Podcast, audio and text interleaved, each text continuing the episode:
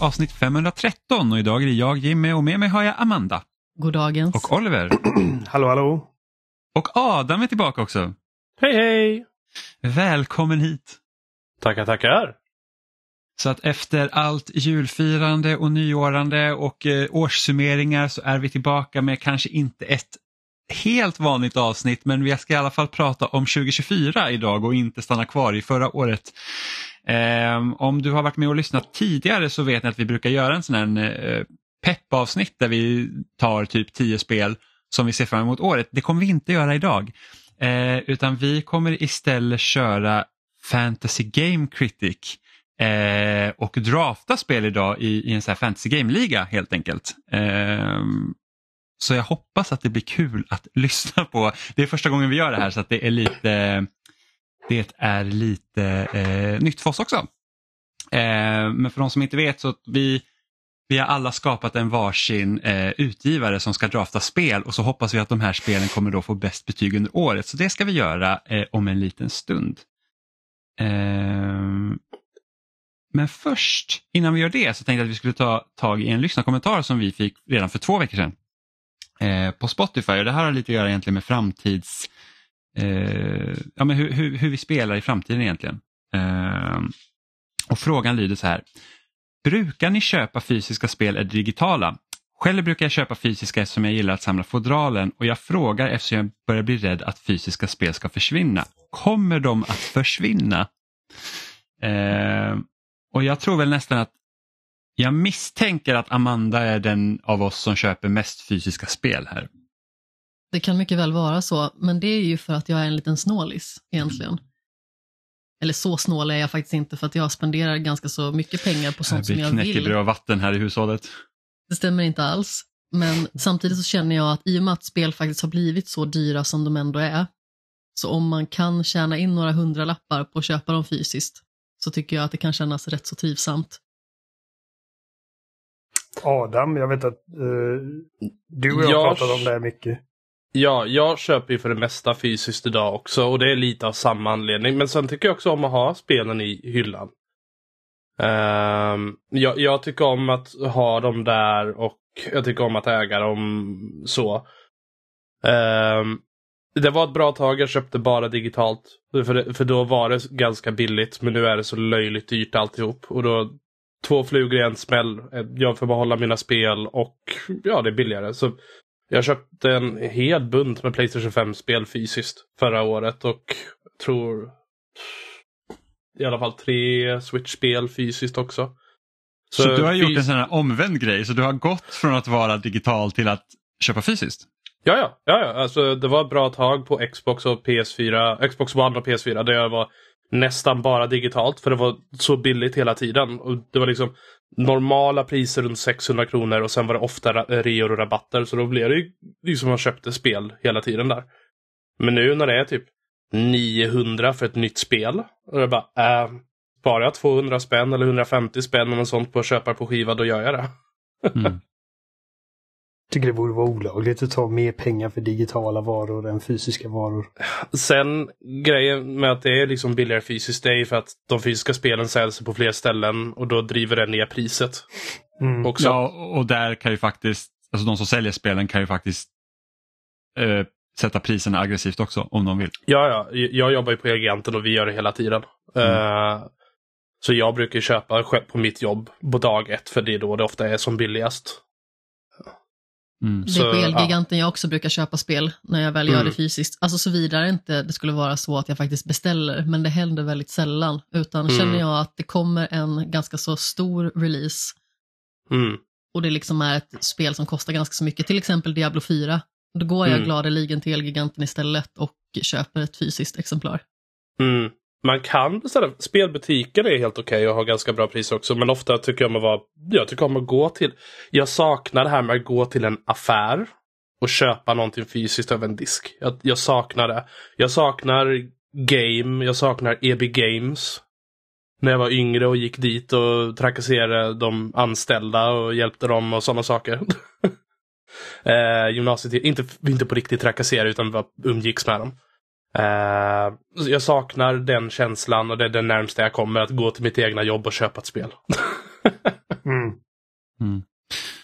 Ja, du och jag Oliver, vi är väl typ lika här. Vi köper väl, eller jag vet inte, du kanske inte heller gör det längre, men, men köper fysiska spel till Switch, men digitalt Ja, på allt annat. jag. Precis, för jag litar inte på Nintendo. Samma här, det är bara för att, säga att jag, jag vet liksom inte vad händer. När de ändå haft den liksom eh, klausulen att typ tappar du bort din 3DS och alla dina spel försvinner, ja, tough luck. Mm. så, så, även, även om de har ju bättre kontosystem just nu så är det ändå lite så att det känns tryggt att ha dem på kassett. Eh, Mm. Vilket ändå är rätt så kul med tanke på att switchen är ju faktiskt den plattformen som på riktigt hade, hade, hade fördelaktigt haft ett helt digitalt bibliotek. Ja. Mm. Ja, nej, men jag, jag, jag tror jag äger två Playstation 5-spel fysiskt för att det har varit i de fallen där jag det har bara varit så jävla mycket billigare fysiskt än digitalt att det inte gått att rättfärdiga ett digitalt köp. Mm. Och då har det generellt varit spel som, som jag har köpt eh, senare efter release, typ som Ja, det var det. Ja, just det. Det var Battlefield. eh, eh, Det senaste Battlefield köpte jag eh, fysiskt. För att jag fick dig, för det var så billigt. Ja, du tvingade mig i princip. Men, men då, då fick jag det för 300 kronor liksom när, när det kostade nästan, vad var det, 700 typ på. Något sånt. Digitala. 700-800 för uh, Cross-Gen Edition. Ja. ehm, och, och jag har Gran Turismo fysiskt. Det var väl också, jag kommer inte ihåg, men eh, det var väl också för att det var betydligt billigare. Jag vet inte. Uh, jag, jag känner att jag, jag är för lat för att för att köpa fysiskt.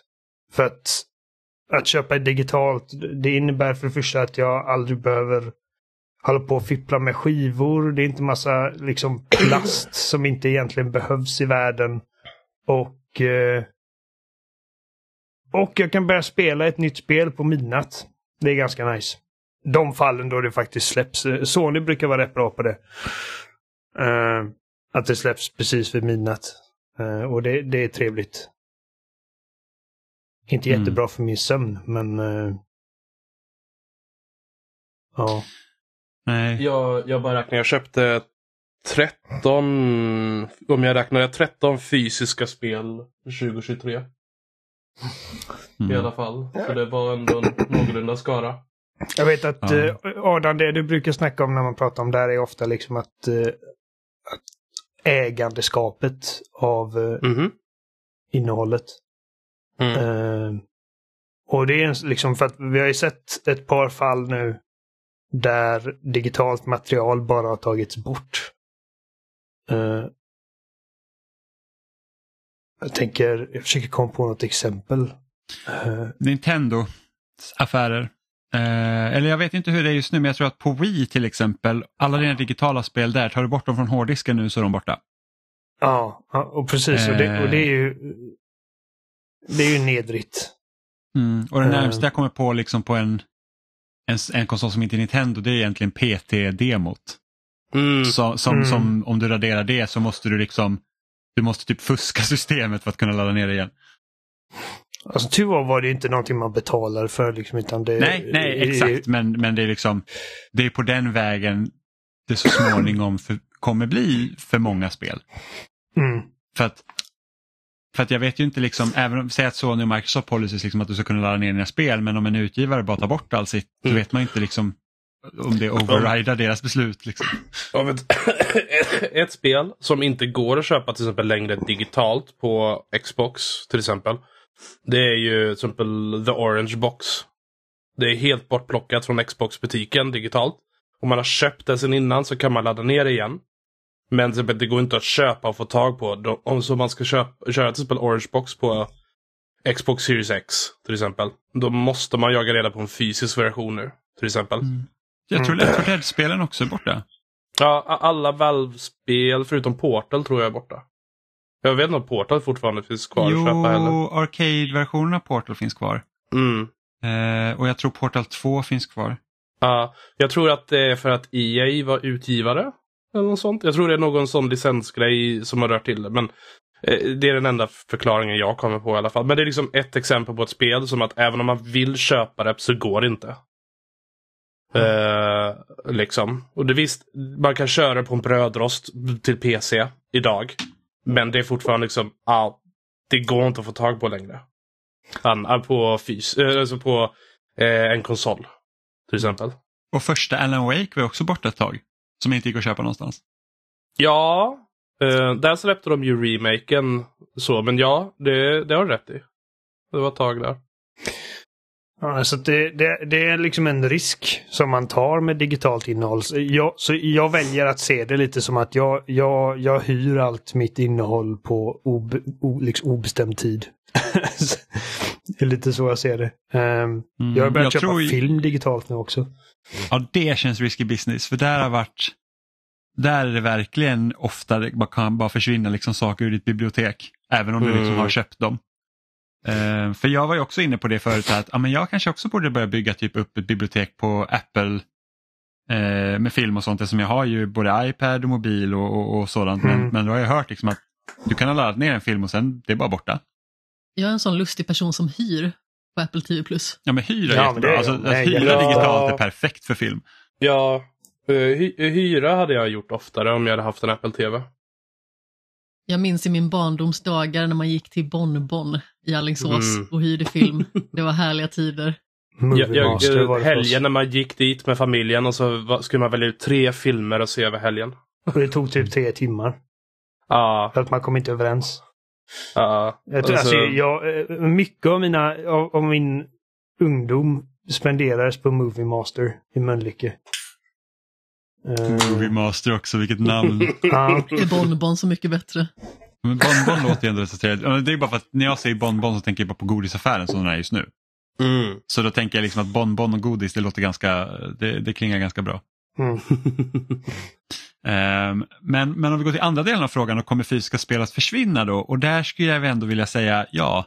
Ja. På sikt så kommer de göra det. det... Inte imorgon, inte nästa år. Nej, men vi får se hur det blir med nästa generations konsoler för att är det inte att den nya PS5 är inte den helt digital out of the box och så får du köpa till skivläsaren? Jo. Uh, det finns två versioner av PS5. Uh, eh, den nya. Det, det, finns en eh, där det ingår den skivläsaren. De är exakt samma konsol. Det är bara att det ingår skivläsaren i förpackningen i en av dem som redan ah, okay. sitter på den. Ja, just det. Ja, så var det. Mm. Ja. Um, så ja, men så sen om PS5 Pro när den kanske kommer, om den blir helt digital vet ingen än. Men, ja. Det tror Precis, jag inte, så, men, men, jag tänker mer PS, PS6 eller PS7. Liksom. Alltså om, om vi snackar om när vi är i 50-60 års åldern. Uh. Kommer vi ha fysiska spel då? Jag gillar att du hoppar inte så om tio år, du hoppar till liksom... till ja, nej, men jag, jag, kan tänka mig att fysiska spel fortfarande finns om tio år. Uh, ja. Alltså jag tror det är väldigt begränsat fysiska spel och det beror helt på vad, vad konsoltillverkarna gör nästa generation. Liksom hur, hur ser det fysiska mediet ut? Liksom, kommer ens de konsolerna att släppas med en skivläsare eller kommer det vara en add-on som du köper till i så fall? Xbox-läckan eh, pratar ju om att släppa en ny Series X utan skivläsare. Exakt. Ja, så, och så när de här äh, små Um, I propagandagrejerna när de pratar om liksom, oh, hur kunder ska se på Xbox. Och det är små utomjordingar som inte alls låter som människor. Så liksom bara, oh, det är så enkelt att ladda ner mina spel. Jag saknar inte skivläsaren alls. Och jag bara, om jag pratar så, skjut mig för jag är en imposter. Det där har jag missat. det, men, det var pdf som läckte ut. och, och då är också frågan så här att hur har de tänkt att lösa då, eftersom det har varit så himla stort det här med att du liksom ska kunna spela dina spel ända från liksom original Xbox. Mm. Och det är också frågan så här, kommer de lösa det för de som sitter då med en massa skivor, liksom att man kan typ ladda in dem på något sätt? Det är liksom det. Att, det, att knyta dem till går... konto. Eller, eller kommer det bara vara så här, nej, nu är det liksom, du ja. har din Series X, där kan du spela dina spel, nästa konsol, då får liksom tough luck typ. Det går ju lite mot det Phil Spencer pratat om när det gäller bevaring av spel tyvärr. Um, för han har ju pratat om det med bakåtkompatibilitet. Det är ju viktigt uh, för honom i alla fall. Att kunna bevara generationer av äldre spel och kunna försöka spela dem och sånt. Uh, men att plocka bort skivläsaren. Jag menar, jag har säkert över runt 100 Xbox. ja, typ 70 Xbox 360-spel i min hylla mm. där. Um, och jag vill kunna använda dem. Ja men precis. Mm. Uh, så, så, att man vet, men, men jag tror definitivt att digitala spel kommer att, eller att fysiska spel kommer försvinna. Ja, tids uh, nog är det inte värt pengarna att printa skivorna. Nej, och redan nu så är ju majoriteten av spelen som släpps digitala. Alltså ja. det är egentligen enbart inom AAA-segmentet där spel kommer fortfarande på skiva. Och ja. sen är det sådana här speciella typ limited run games med, med liksom populära indiespel då, som får en fysisk variant i begränsad upplaga. Ja. Så även Baldur's Gate 3. Ja men precis, Alan Wake 2 kommer inte på skiva. Det ska Nej. väl komma tror jag. Men det roliga 505 Games och sånt så skrev bara hej vi erbjuder oss att hjälpa till att distribuera det här det blev fortfarande inte av. mm. uh, men jag, hopp, jag, jag hoppas på Alan Wake att när all DLC har släppt att de släpper en fysisk sån här samlingsutgåva med alltihop. Ungefär som, eh, de släppte ju det till, um, vad heter det? Um, Horizon Forbidden West, den här Complete Edition. Där det är spelet, expansionen och alla patchar, allting på skivan. Mm. Uh, så att man kan köpa det och ha det komplett. Uh, man gillar det. ju en god specialutgåva. Ja.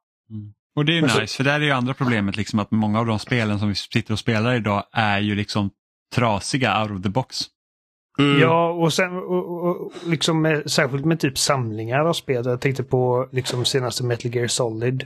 Oh, Vi, hur mycket me. av det låg på Nintendo Switch-kassetten? Det var väl bara var det bara originalet och resten var digitalt? Eller vad var sen, det? Ja, jag, jag, tror det. Jag tror ja. det var ett av de tre spelen som var på kassetten och sen fick man liksom en voucher för att ladda ner de andra två. Mm, men så är det med de flesta uh, Switch-samlingarna. Ja, det beror på att ett spelkort med mer minne är dyrare. Ja, det, ja, jag det är trist. Det är jätte, ja, det, eh, jag hoppas Nintendo löser så att det finns något billigare sätt eller billigare kassetter och sånt till nästa generation. Mm. Med tre uråldriga spel. Liksom. Mm. Uh, men ja.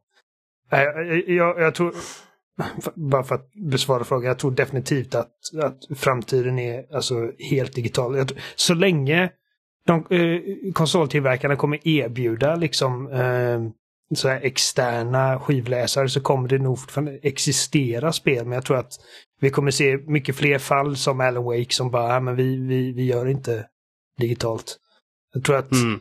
eh, så länge Sony liksom ser till att deras liksom konsoler kan ha skivläsare eh, så kommer deras stora titlar också släppas på skiva. Mm. Eh, och, och tittar man liksom vad som händer i USA nu till exempel så är det att både Best Buy och Walmart ska sluta sälja fysiska exemplar av all media. Mm. Du kan jag inte köpa tänka film, mig att men... Eh, de säljer så mycket av den skiten längre för att Nej men precis och då blir det så att ju mindre som säljer ju ännu mindre incitament finns det till att faktiskt göra fysiska. Jag, jag började köpa, för att jag har ju varit väldigt hardcore liksom att jag vill ha mina fysiska Blu-rays. Och det kom till den punkten där jag, liksom, det var i somras. Där jag visste att okej, okay, nu har både Top Gun Maverick och Everything Everywhere All At Once släppts. Eh, för liksom hembruk. Och jag åkte runt på stan i typ två timmar för att försöka hitta ett enda ställe som sålde skiten och det går inte. Alltså det går, det går inte att hitta ett ställe som, som säljer film. Nej, alltså när um, Diskshop gick omkull så slutade jag nästan att köpa fysisk film. Och det, och det är som sagt, alltså, man kan ju köpa hem, CD-ON uh, går fortfarande och man, man kan köpa liksom uh, Blu-rays på lite, lite alla möjliga ställen online. Uh, men liksom i det fallet vill jag bara liksom åka och köpa en film och kolla på den. Jag liksom orkar inte, åh, ska vänta på att posten kommer och skit.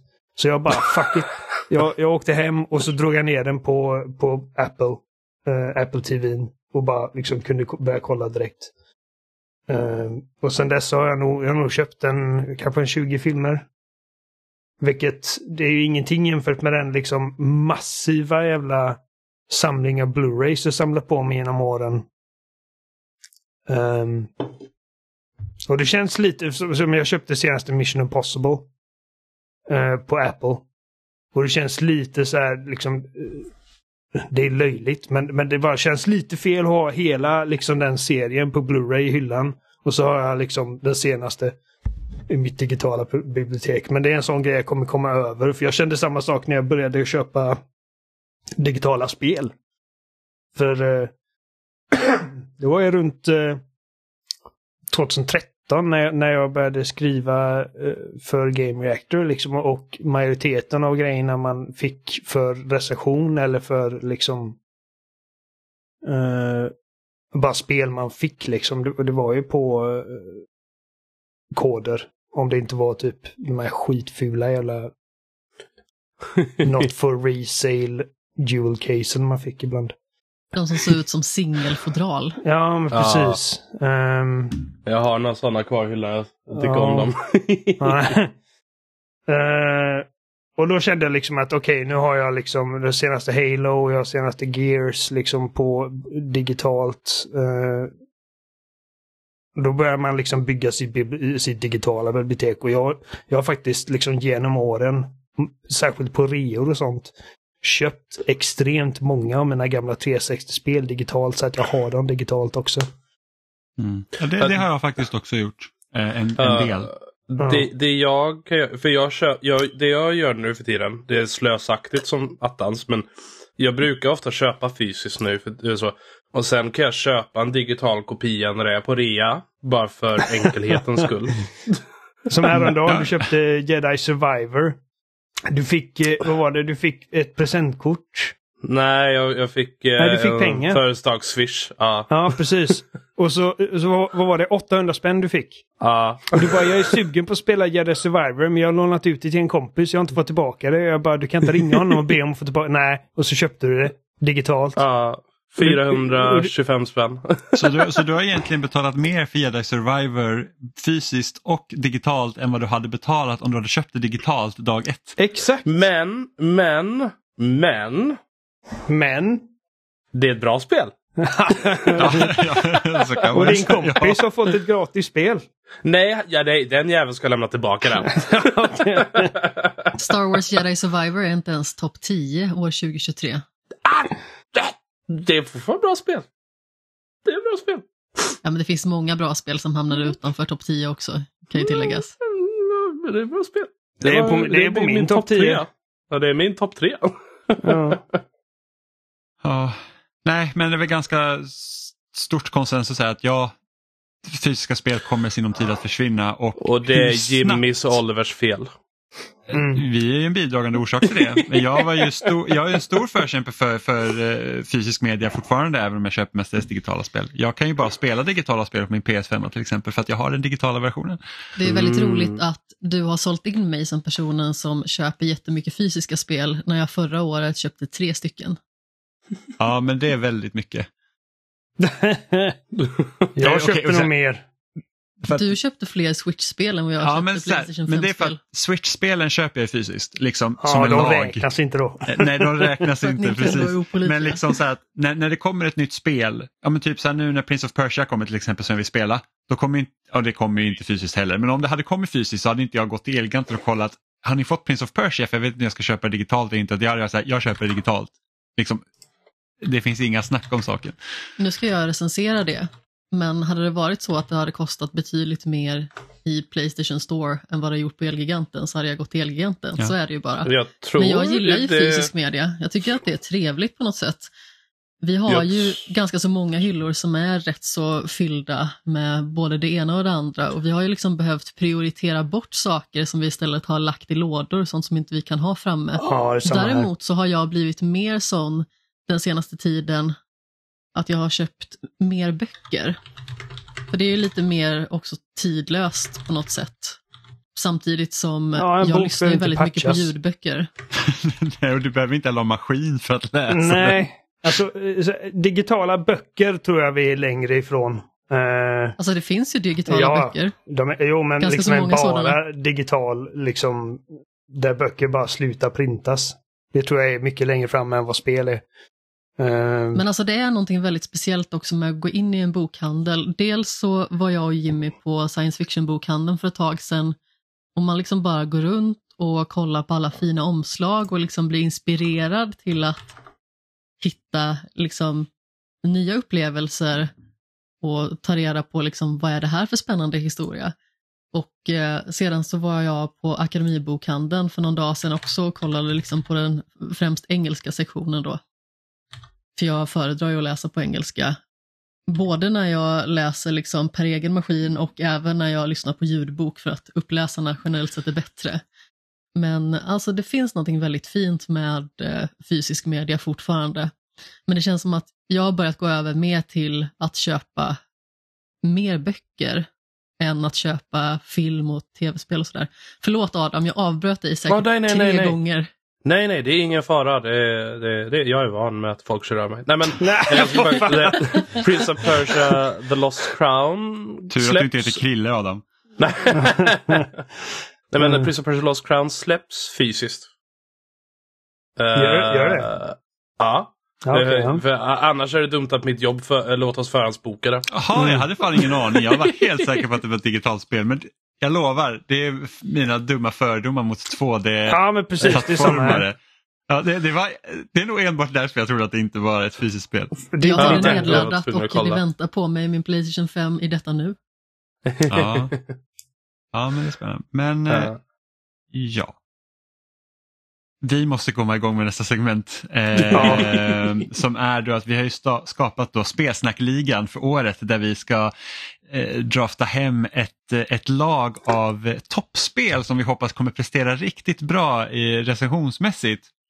Vilka Eh, företag är det som är med och tävlar? Ja precis och då har man ju då fått skapa eh, varsin utgivare då. Och då kan vi ta det här i ordning vad ni har döpt era, era fina utgivare till. Och så Oliver, vad heter ditt, ditt företag? Eh, ja, vad hette den? Um, Pappa Snusk Förlag AB. Ja, Adam, vad heter ditt eh, förlag? Gimme Money Corporation. Amanda? Under all kritik AB.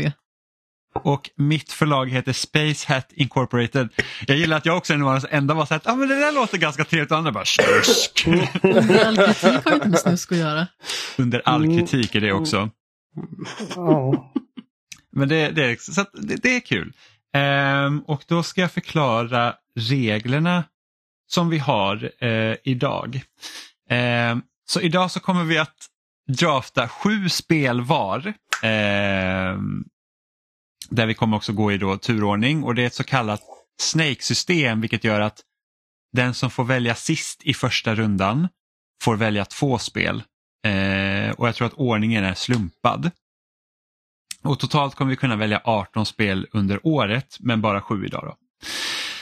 Sen finns det också en funktion där man kan köra counterpicks och counterpicks är som att om vi säger att Amanda väljer ett spel som Adam kommer tro inte kommer prestera så bra, då kan han välja att counterpicka hennes spel för att få poäng om det hamnar under 70 i snitt. För det är också en grej med poängsystemet. Är att det, poängsystemet är så att du måste hamna över 70 på Open Critic för att du ska få liksom pluspoäng.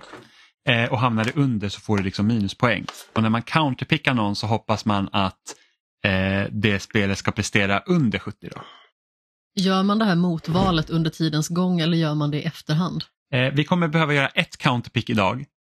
Eh, och sen har vi två counterpicks ytterligare vi kan göra under året.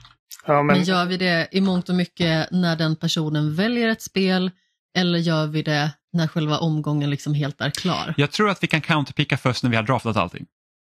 Okej, så Eh, vi alla så- väljer sju var och sen tar vi varsin Yes. counter. yes. Det, det är så jag tror att det är. Det här är första gången vi gör det så att, eh, ursäkta lyssnarna att vi inte är helt hundra på hur det går till.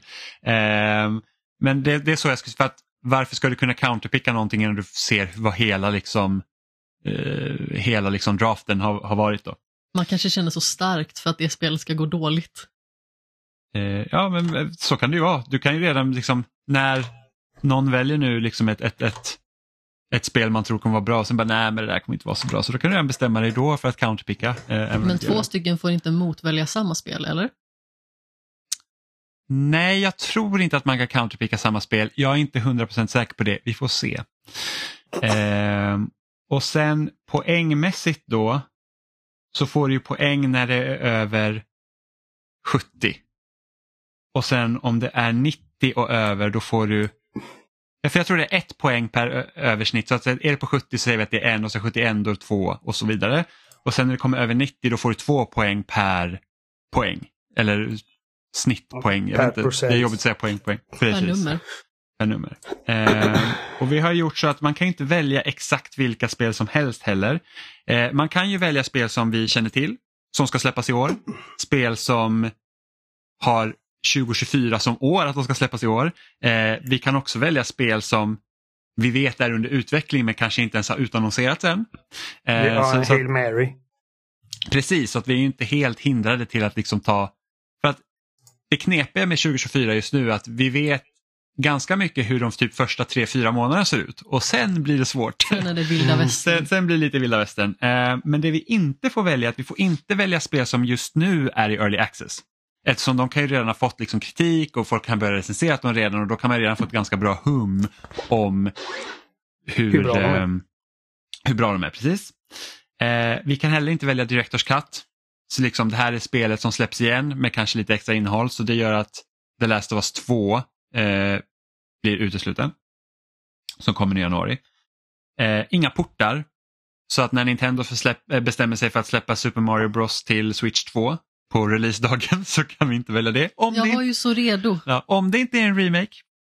Eh, och vi kan heller inte välja ett spel som redan är släppt internationellt någon annanstans. Och den här utgår egentligen från USA så att de säger att du kan inte välja ett spel som har, som har släppts utanför USA men inte i USA. Men det är typ samma sak.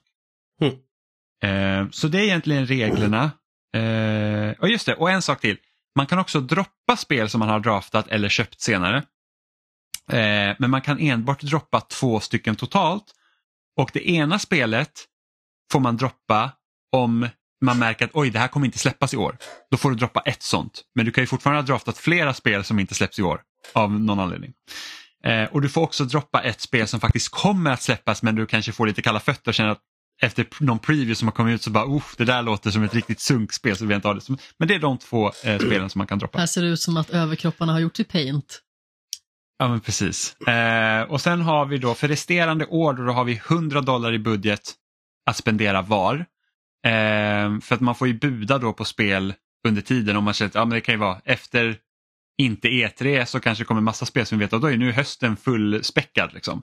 Eh, mm. Och här vill jag börja buda på spel så då får man buda på det. Och då måste man mm. lägga minsta, minsta peng man kan lägga en dollar. Då, så att man faktiskt spenderar spel. För att om man fortsätter då eh, med ligan nästa år så kan man liksom föra över de pengarna man har sparat till nästa år till exempel. Eh, ja, och jag tror att det är väl kort och gott det då. Eh, så då ska vi egentligen börja drafta då, så får vi se hur det går för alla våra förlag som vi har eh, gjort. Så nu trycker jag på start drafting och så får jag se vad som händer, för det här har jag aldrig gjort förut. Eh,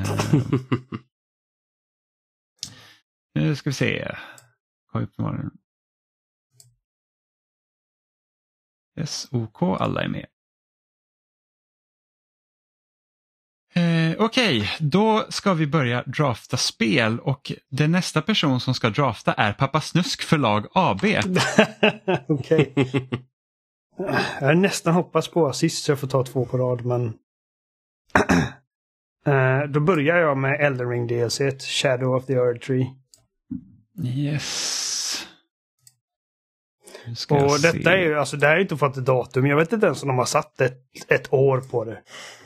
Um, jag kom, ja, de sa typ in, inte än på ett litet tag fast det var slutet av förra året.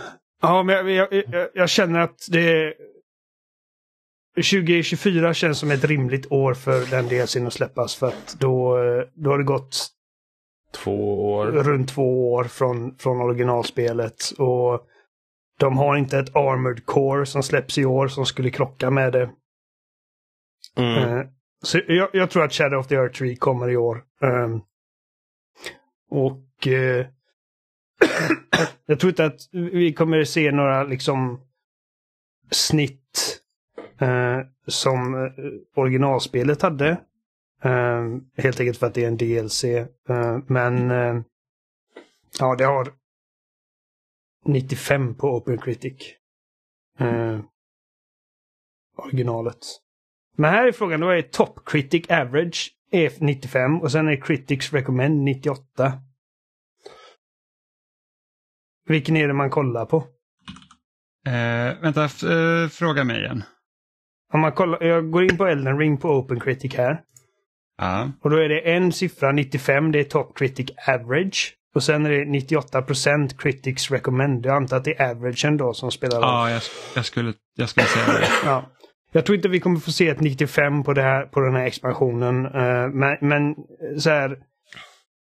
Jag känner mig ganska bekväm med att gissa på att det åtminstone kommer liksom i höga 80-talet. Mm. Um, så ja, det, det känns som en liksom, safe first bet att göra. Mm. Och här kan man också se liksom då att um, det är ändå 5,7 procent som har counterpickat det här spelet när andra har draftat det. Ja. Mm. Uh, och, då är det och du liksom... tror alltså att det kommer släppas i år? Jag vet du om det är bekräftat eller inte? Nej, jag har ingen det aning. Det är inte inte bekräftat. inte, inte bekräftat. Nej, men alltså jag vet inte. Men som sagt, jag snackar lite om min, min, mitt tänk medan du höll på att pilla. Mm. Uh, jag, jag, det, det, känns som att det är ett rimligt spel att släppas 2024. Sen kan det ju hända liksom att ifall oktober kommer och vi fortfarande inte har hört någonting, då kan jag ju vara tvungen att släppa det. Men, uh, ja, precis. Alltså förra året hade de Armored, Armored Core. Uh, och så Shadow-droppar på Game Awards. Ja, precis. När du har droppat det. och får 99 ja, i snitt. Uh, ja, nej, nej, men jag känner, mig, jag känner mig trygg med mitt första val. Yes. Då lägger jag till det för dig. Eh, och nästa att drafta är Gimme Money Corporation, sa Adam. Ja!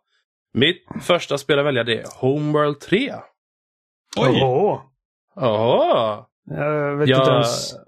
det, det är ja, rymdstrategispel från Blackbird Interactive utgivet av, uh, gud vad heter de nu? De som gjorde det här uh, dryga Pang Pang Co-spelet. I alla fall. Uh, jag älskar Dryga. Pang Pang Co-op-spelet. Ja, det finns bara ett sånt. I alla fall. Nej men uh, jag älskar Homeworld-serien. Växte upp med den och uh, jag är så pepp och redo på Homeworld 3. Det ser väldigt, väldigt bra ut. Det har blivit försenat flera gånger och släpps i mars nu. För mig. 8 mars. Ja. Gearbox. Mm, ja, just det. Ja, Gearbox är utgivare. De, ja, Blackbird försöker- jag tror de- Interactive är utvecklare. Ja, och de gjorde Deserts of Karak. eh, till exempel. Och Deserts of Karak var ett bra prequel-spel i serien. Eh, så Homeworld 3 eh, är min första pick. Och det, Är- är, är, det, är det baserat på hur mycket du ser fram emot det eller hur du tror att kritikerna kommer ta emot det? Jag tror att det... Jag ser väldigt mycket fram emot det. Och sen, eftersom att eh, RTS-genren är ganska svältfödd på den typen av eh, snygga, episka rymd science fiction RPG, eller RTS-spel. Mm. Så tror jag att det kommer förhoppningsvis prestera ganska bra. För det kan ju också vara så att man vet att är det en väldigt smal genre så kan det också vara så att då vet man att de som älskar den här typen av spel kommer också recensera det. Och då är det också så här att då finns det ändå ganska goda chanser för att det ska få höga betyg. Ja, en, en, en, folk i öknen som vill ha vatten. Det är inte som med Ja. Starfield liksom där, där vissa kommer ge det liksom 10 och vissa kommer ge det 5. mm. Fast man vet ju aldrig. Nej, nej, nej. Alltså hade, vi, hade vi suttit här förra året och pratat om Starfield så hade vi nog alla varit ganska rörande överens om att det hade fått bra betyg. Mm. Eller Cyberpunk. Nu fick ju i och för sig Cyberpunk väldigt bra betyg, de som recenserar på PC, men eh, och ja. retroaktivt är det ju väldigt uppskattat. Men... ja precis. Eh, Ja, men Ja, det, det var men- inte en eh, pick jag hade gissat mig fram till. nej, det är skönt för alla andra. Ja, skitbra. Eh, under all kritik AB, vad är din första draft? Jag tänker mig att jag ska välja Like a Dragon Infinite Wealth. Ja, det var Oh. tidsfråga att den dyker upp. Det ser så kul ut. Ja, och det här är ju kul. Det ska jag recensera nämligen. Ah. Så att jag har laddat hem det precis. Så att eh, det var tur att vi draftade idag, Amanda, så att du inte fått massa inside information. Så, men nu ger du ett dåligt betyg för att sänka snittet förhoppningsvis. Ja, ja, det, precis. Ja, det är synd att inte loading är med i Open Critic men det har varit ett rungande nej, bara dra ner det som satan. Jag ger det minus i poäng. Eh, men vad är det du ser fram emot Like a Dragon då?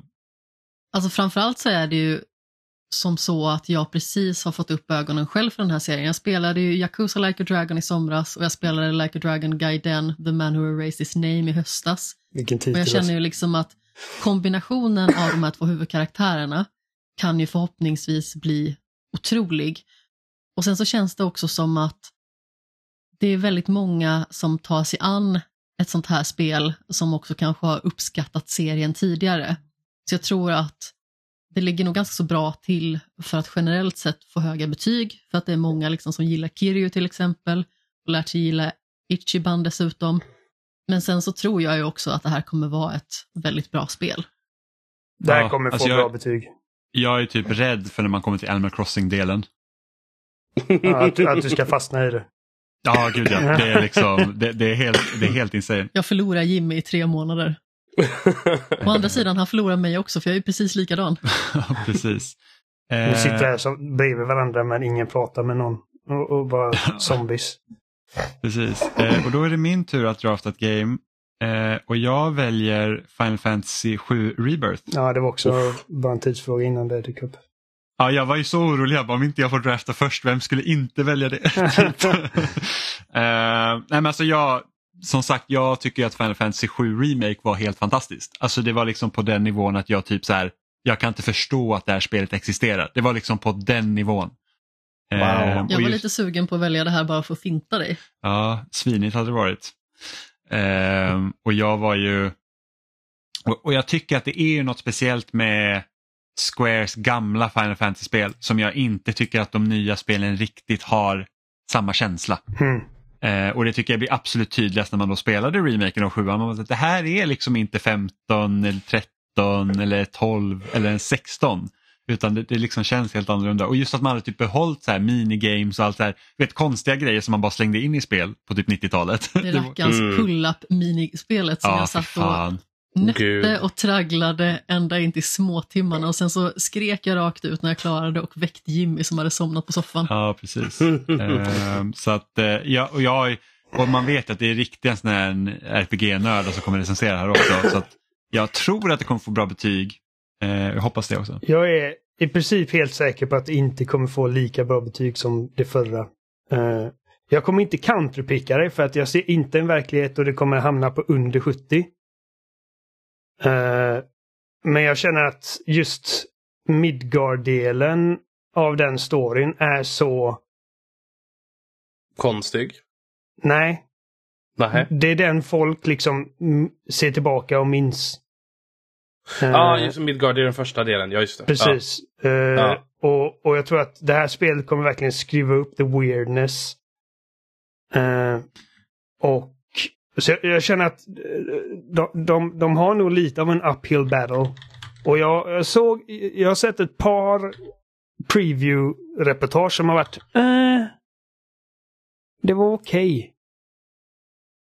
Okay. Um, och det är därför jag inte valde denna. Trots att jag var först.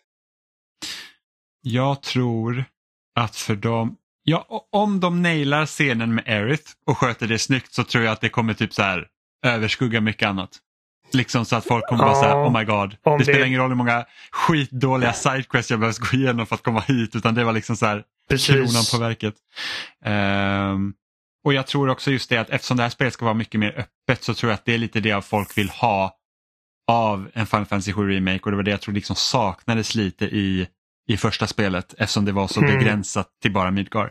Eh, men det kan ju också slå fel. Det vet jag inte. Jag var en av de personerna som trodde att Ubisoft omöjligen kunde misslyckas med Assassin's Creed 3. Så att, eh, ja. eh, men eftersom jag fick välja sist nu så väljer jag ett till spel.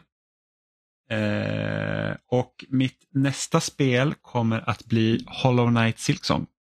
Mm. Jag är i djup chock. Det, lite... det, det ska släppas i år. Vet ej. Nej. Nej, det är lite av risken. Där är ju, ja precis. Men jag ville, jag ville inte, för att om det släpps i år så tror jag att det här kommer bli en riktig liksom hit. För att första Hollow Knight var lite av en sleeper hit. Det var liksom så här att folk som spelar på PC och liksom hade lite koll där, de tyckte det var skitbra. Men det var, jag tyckte det var först när det kom till konsol det liksom verkligen blommade ut ordentligt och folk liksom blev så här att åh, det här är ett skitbra spel. Uh, när det här släpps så kommer det ha ögon på sig. På ett sätt yes. som föregången inte hade. Och jag kan, visst, och det betyder också att det kan få mer kritik eh, på, på ett helt annat sätt också. Kanske, eh, så ja. jag kan inte säga säkert liksom att det är en homerun och det är inte ens säkert att det släpps i år men jag kände att det, det, det visades ju faktiskt på Microsofts presskonferens när de sa att alla spel som visas här kommer släppas inom ett år, vilket inte stämde såklart senare. Eh, men det kan inte vara allt för långt bort känner jag. Nej. Och eh, med tanke på att Hollow Knight är typ ett av mina favorit, det är mitt favorit Metroidvania någonsin så att eh, jag har stor tilltro till eh, dem. Då är det under all kritik AB som ska dra sitt nästa. Och då tar även jag på mig chansbyxorna och säger Hades 2. Fuck! Det hade varit Oj. min... uh... Vi vet ju att det kommer ut förmodligen sent under våren i Early Access som det ser ut nu, men förhoppningsvis så kommer det ju släppas under årets gång och jag är ju väldigt exalterad över det här. Det känns ju egentligen inte som att själva första spelet behövde en uppföljare med tanke på att det stod så himla mycket på egna ben och var ett otroligt verk. Men samtidigt så tackar man ju liksom inte nej när man får mer. Nej, alltså Nej, som sagt, det, det, det är vad jag hade valt nästa ifall om jag hade varit före dig. För att... Mm. Eh, och... Inte för att jag är liksom så här superförtjust i, i Hades för att det är inte min genre men, men för, bara för att jag vet hur hyllat det första spelet var. Och de har också ögonen på sig nu, ja. liksom på ett helt annat sätt än vad de haft tidigare. De har ju liksom alltid haft en, en, en publik som uppskattar deras spel men Hades slog verkligen så hårt. Alltså även hos kritikerna. Ja, men det är som vi har sagt x antal gånger tidigare att det spelet är ju verkligen summan av spelkardemumman när det gäller Supergiant Games för att de tog liksom alla de bästa sakerna man kunde tänka sig från deras föregående spel och liksom slog ihop det. Så att det liksom blev ett mästerverk på något sätt. De mm. andra spelen har varit otroliga också på sina sätt. Väldigt inflytelserikt. Alltså titta bara på Valhalla DLC till God of War. Det är ju väldigt mycket Hades över det. Ja. Så att, ja, ja, men kul, spännande.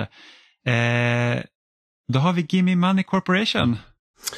Ja, och eh, vi ska se. Jag tar Phantom Fury. Var det det som vi pratade om häromdagen? Mm, vi pratade om många spel häromdagen. Men Phantom Fury, det är ett um, ehm, FPS-spel som är i... Nej, eh, från Slipgate Ironworks. Och det är... Ni, kommer ni ihåg Duke Nukem... Um, Forever. Eh, Forever, ja. Det demot de visade 2001. När det var i en gammal version Jaha, det är det Unreal. spelet. Ja. ja men, I alla fall. Nej, nej, men jag menar allvar. Jag vet vilket spel Jaha. du pratar om nu. Jaha, jag trodde du var sarkastisk. Nej, nej, nej. nej, nej Oliver är nej, nej, men nu, minns jag vad Phantom Fury var. Det ser exakt ut som det 2001-spel-demon. Ja, och det är liksom eh, inspirerat av Duke Nukem-spelen. Eh, och har till och med en grafisk stil i ja, nyare versioner av Unreal Engine. Och eh, jag spelade eh, det, det föregående spelet, nu glömmer jag bort vad det heter bara för det, men det är superbra. Med samma huvudperson och så. Eh, och det här ser jag jättemycket fram emot. Uh, och jag hoppas det får bra, för hela den genren av retro shooters har verkligen blommat upp de senaste åren. Mm. Så, ja, det kan vara lite av en sleeper hit här. Mm. Så Phantom Fury är min nästa pick.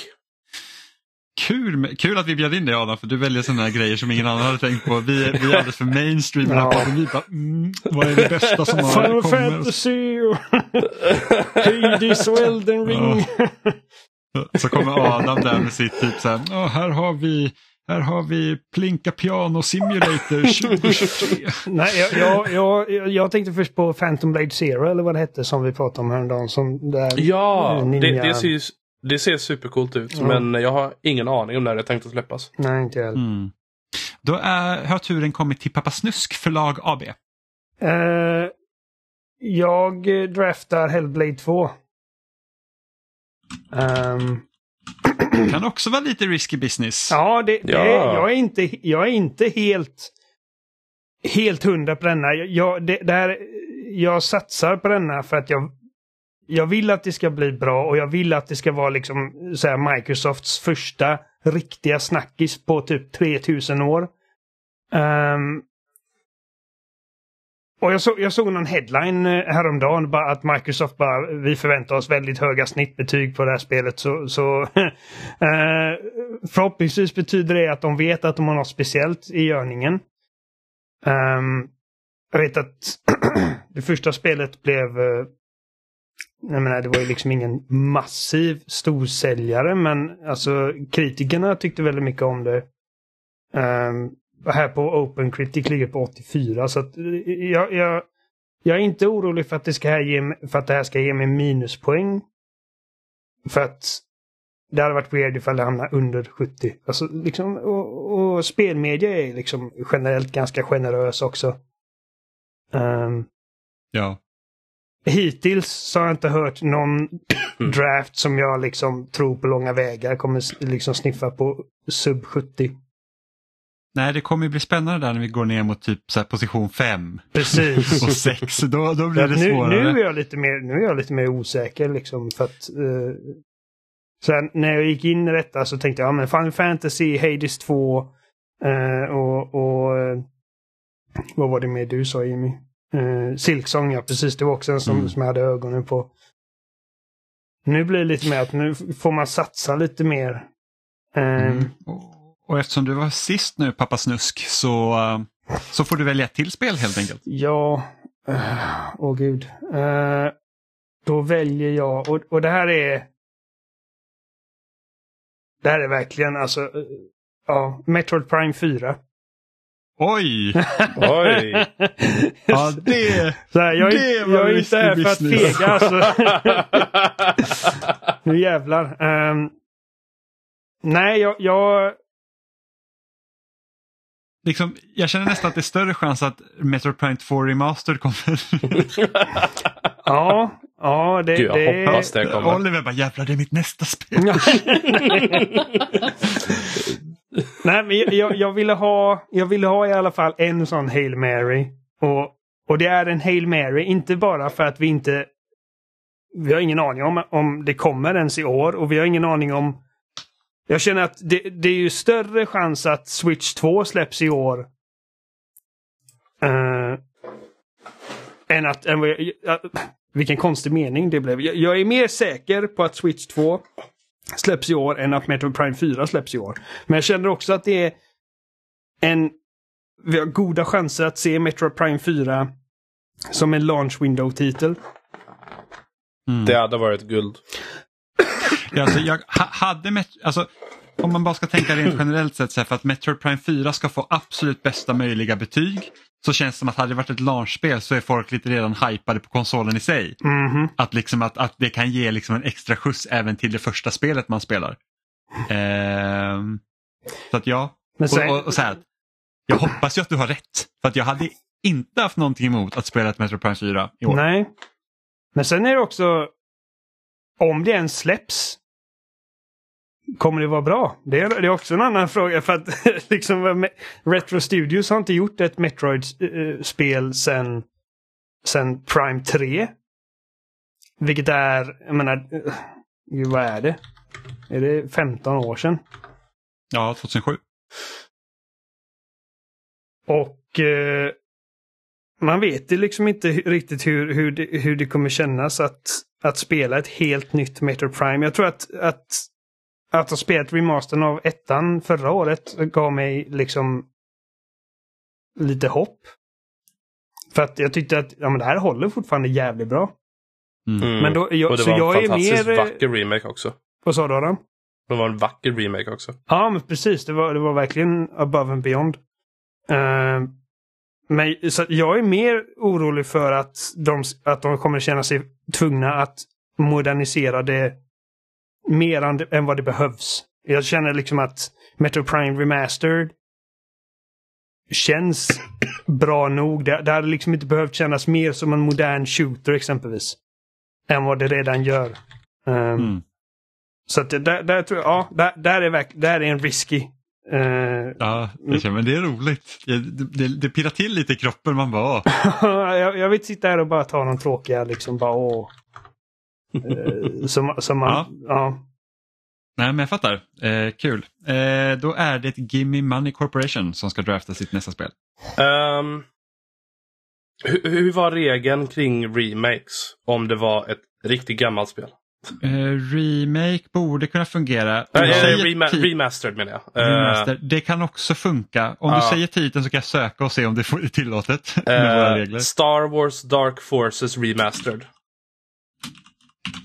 Vi ska se, det kanske inte ens finns mer. Det är gammalt som fan. fanns i listan.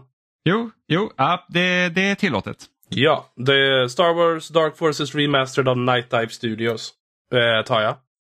Yes. Mm. Det är också risky. Ja, det, ja, ja, kanske. Det är ett klassiskt spel. Alltså det kommer ju i år, men, men alltså...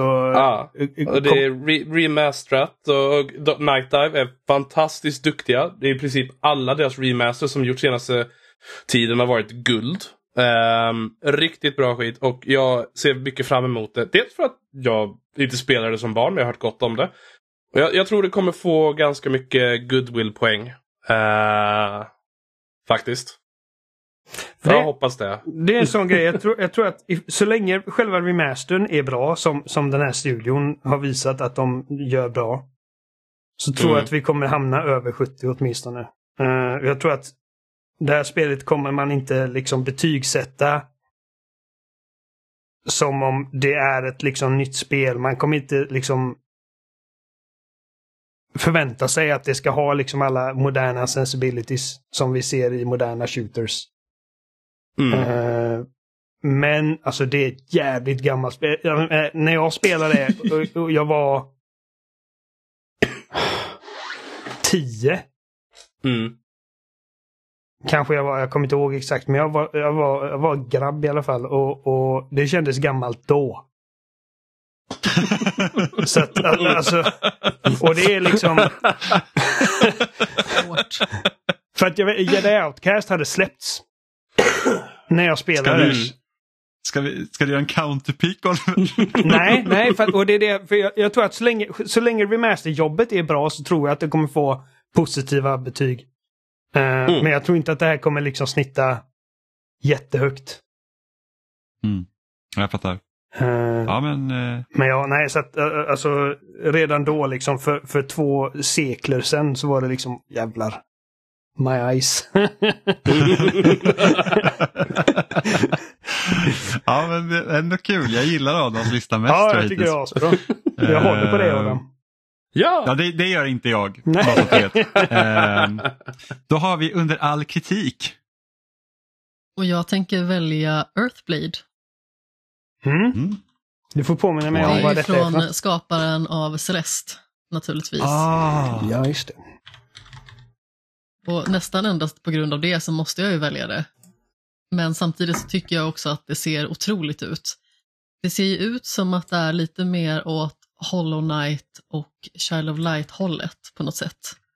Mm. Men lite kombinerat med den här eh, igenkänningsbara grafiken som vi har sett i Celeste och Towerfall bland annat. Mm. Ja, gud, och både Celeste och Towerfall är helt amazing. Ja, Celeste är ett av mina favoritspel någonsin, så jag känner ju att det var nästan lite min plikt att välja det. Och sen så har det ju varit ganska så länge sagt att det ska komma 2024. Jag vet inte om det har fått något datum, jag tror inte det. Men eh, jag har ganska så starka förhoppningar i alla fall om att det kommer komma under detta år. Mm, ja, det stod som 2024 här också så att det, det är väl det man har räknat med i alla fall. Mm. Kul, kul, kul. Då är det min tur. Eh, och mitt nästa spel blir Persona 3 Reload. Jag kör enbart för att vinna nu bara så att ni vet. Ja, jag märker det. Du har, du har bara valt med topp, uh, toppalternativen här, här, här kommer, jajamensan, jag är så glad att ni vågar göra mer saker än vad jag vågar. um, och ändå, men jag var ändå lite osäker på Persona 3 för jag vet liksom inte hur tar man emot det idag.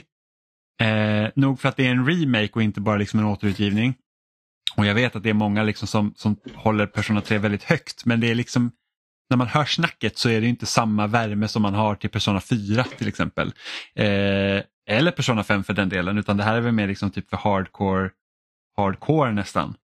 Eh, men samtidigt så lyckas man inkorporera de nymodigheterna som de hade i femman. Så tror jag liksom att det här också kan vara en riktig hit. Mm. Faktiskt. Så att, och det hoppas ju jag på också såklart. Eh, sen måste jag välja mitt nästa spel redan.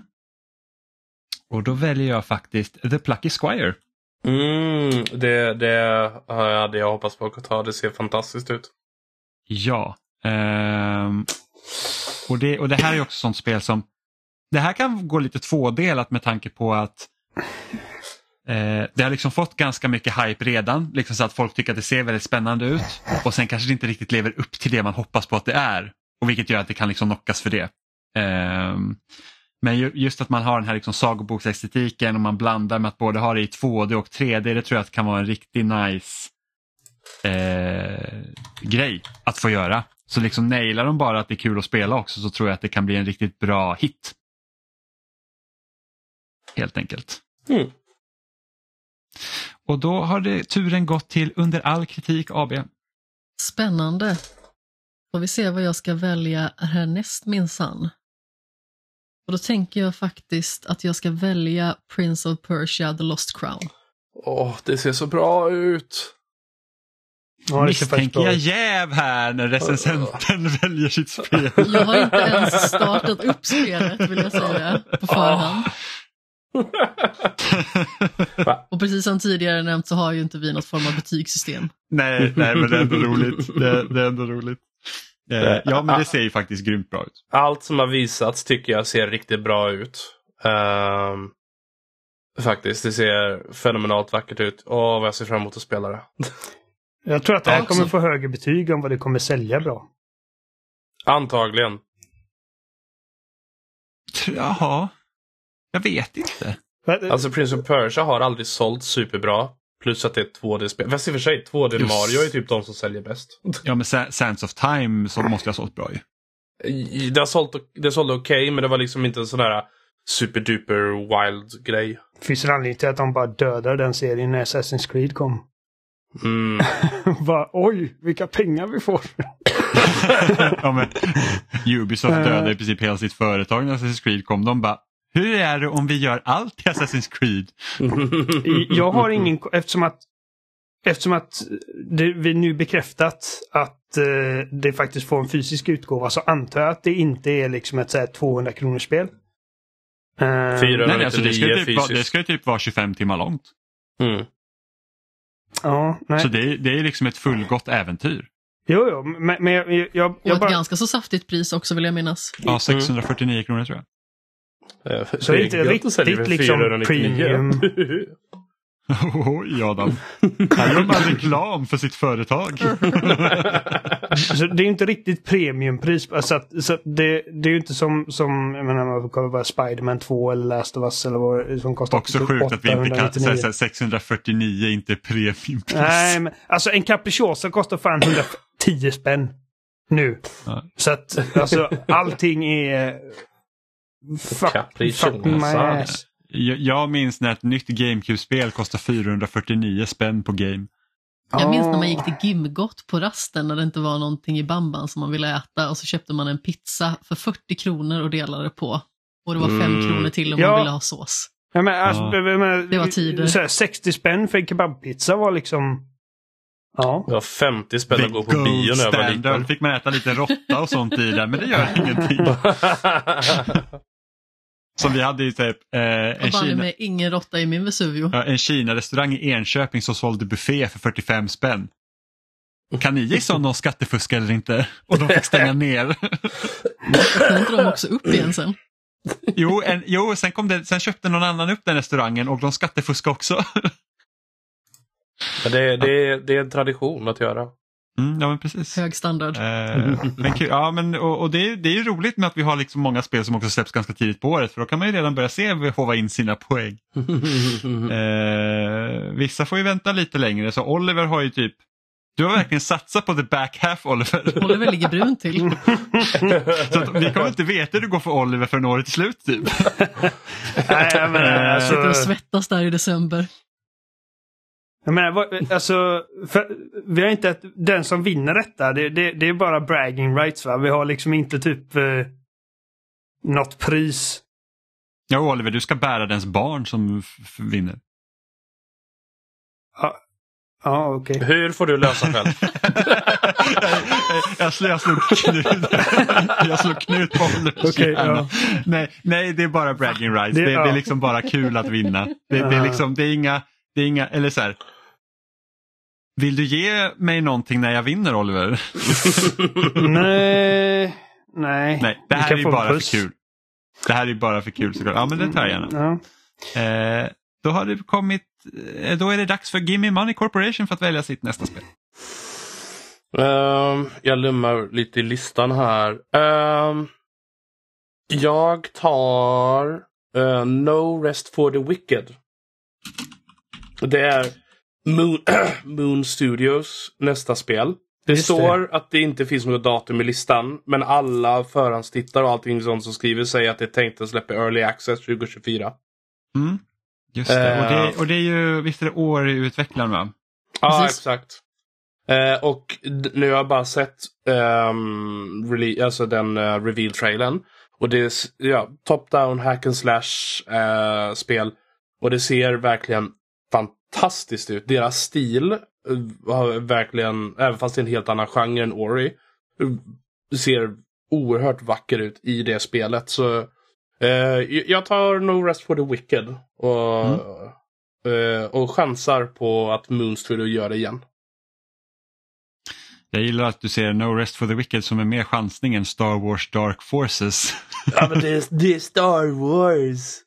Och det kommer typ bara vara fansidor som recenserar det och då kommer det vara hö- högt betyg. Det är faktiskt sant. Men samtidigt vet vi att också att Star Wars-fansen kan ju vara de mest gnälliga personerna också. Ja. Sant. Men ja, jo. Fast alla tycker om Kyle Katarn. Det är faktiskt sant.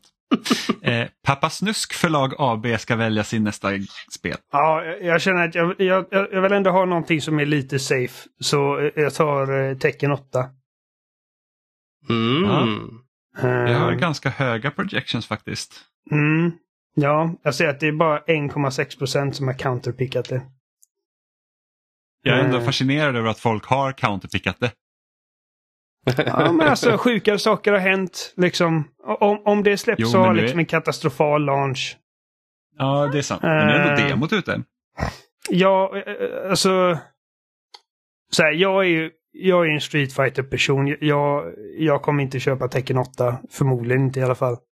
Uh, men jag vet att fighting communityt är, alltså de är, de är liksom die hard.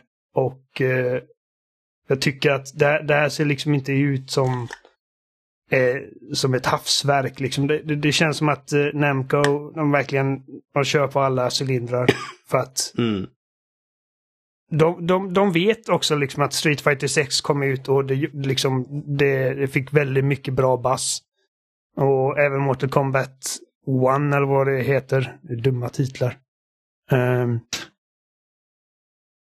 Det känns som att DICE gjorde någonting med allas räkning. eh, fast det gjorde Xbox först i och för sig. Det är faktiskt sant. Ja. Allt är Microsofts fel. Nej men så, jag, jag, jag kan inte tänka mig att... Eller jo, som jag precis sa, sjukare saker har hänt givetvis. Men, men eh, ja, alltså man, man känner på sig att Tekken 8 kommer, det kommer få eh, bra betyg. Har du testat demot? Nej. Jag gjorde det för att jag var ju så här, jag tyckte att musklerna i Tekken 8 var så imponerande när man såg på första trailern. Jag var så här, wow det ser helt, det ser helt. Ja, men det var liksom som man bara, hur har de gjort typ?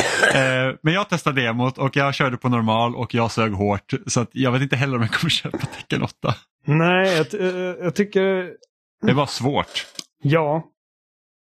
Det, man går in liksom i eh, så här command-listen och det är bara liksom alltså en stor jävla encyklopedia. Um, För att göra ett move. ja, precis. så här, bara, här är tre A4, så här slår du. Uh, men tecken har generellt, liksom, alltså det, det är ju, alltså om inte tillsammans med Street Fighter och möjligtvis Mortal Kombat så finns det ingen högre profil serie i genren än vad tecken är. Nej, och det känns just nu också har fighting-communityt liksom en, så här, en renässans Ja, igen. precis. Som de hade typ i slutet av 2000-talet. Liksom att nu, nu kommer det jävligt bra grejer. Alltså. Ja, men det kan också bita med arslet för om inte Tekken 8 verkligen är crème de la crème. Uh, jag tror, för att, uh, eftersom att de är i en sorts renässans så har de högre krav också. Kröver, uh, kr krövre för krövningar, högre förväntningar. Mm. Uh, Så att... Uh, nej, men jag hoppas på att, att utvecklaren liksom vet att uh, nu gäller verkligen att göra liksom mitt livsarbete. ja, men kul. Och eftersom du var då sist pappa Snusk så ska du få välja ett till spel. Och nu står jag mellan två. Och jag tror att jag ta en chansning och säga Star Wars Outlaws. Åh, oh, jag tittade på den trailern idag igen. Mm. Och det, det är musiken. Dun, dun. Oh. Jag tycker det... Det, ser, alltså det var en väldigt bra demo de visade. Uh, när de visade upp det för första gången. Men det är Ubisoft. Watch Dogs mm. hade också en väldigt bra demo. Mm. Uh, och det är... Eh, vad heter de? Massive. Ja. Som definitivt är kompetenta men inte har haft liksom en, en massiv win än. Alltså då tänker jag bara kritiskt. Jag, vet jag har ingen aning om hur Division och Avatar-spelarna har sålt. Jag vet att Avatar, som de släppte nu i december, eh, ligger på 71. Mm. Så jag antar att... Det är ett helt okej spel. Ja. Uh, jag håller på att spela igenom det. Men det kan också vara uh, Ubisofts liksom uh, Jedi Fallen Order eller deras Jedi Survivor som faktiskt har fått väldigt bra betyg. Um, så att jag, jag chansar på det. Jag, jag är inte jättekonfident över Star Wars Outlaws. Jag är inte ens jättekonfident över att det släpps i år. För jag vet att Disney sa nyligen att vi siktar på sent 2024. Och det kan, vara, det kan ju vara vad som helst. Liksom. Det kan lätt skjutas ut till 2025. Men sen Ubisoft har inget annat visat på horisonten. Uh, Skull and Bones. Det är någon försenar Skull and Bones igen ja. Uh. Och Skull and Bones tänker jag inte drafta.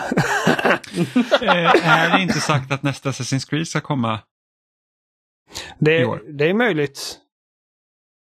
Jag kommer inte ihåg. Jag vet bara att de ut, Shotgun utannonserade 300 spel.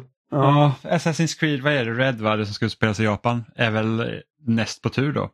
För det de visat mest än så länge det är det här som är i Kina till mobilen.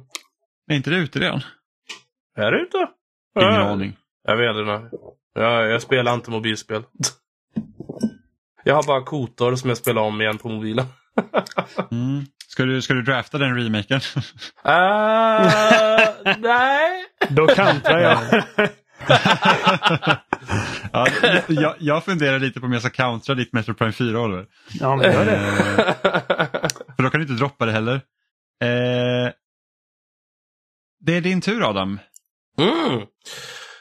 Um, jag tror jag tar uh, Black Myth Wukong.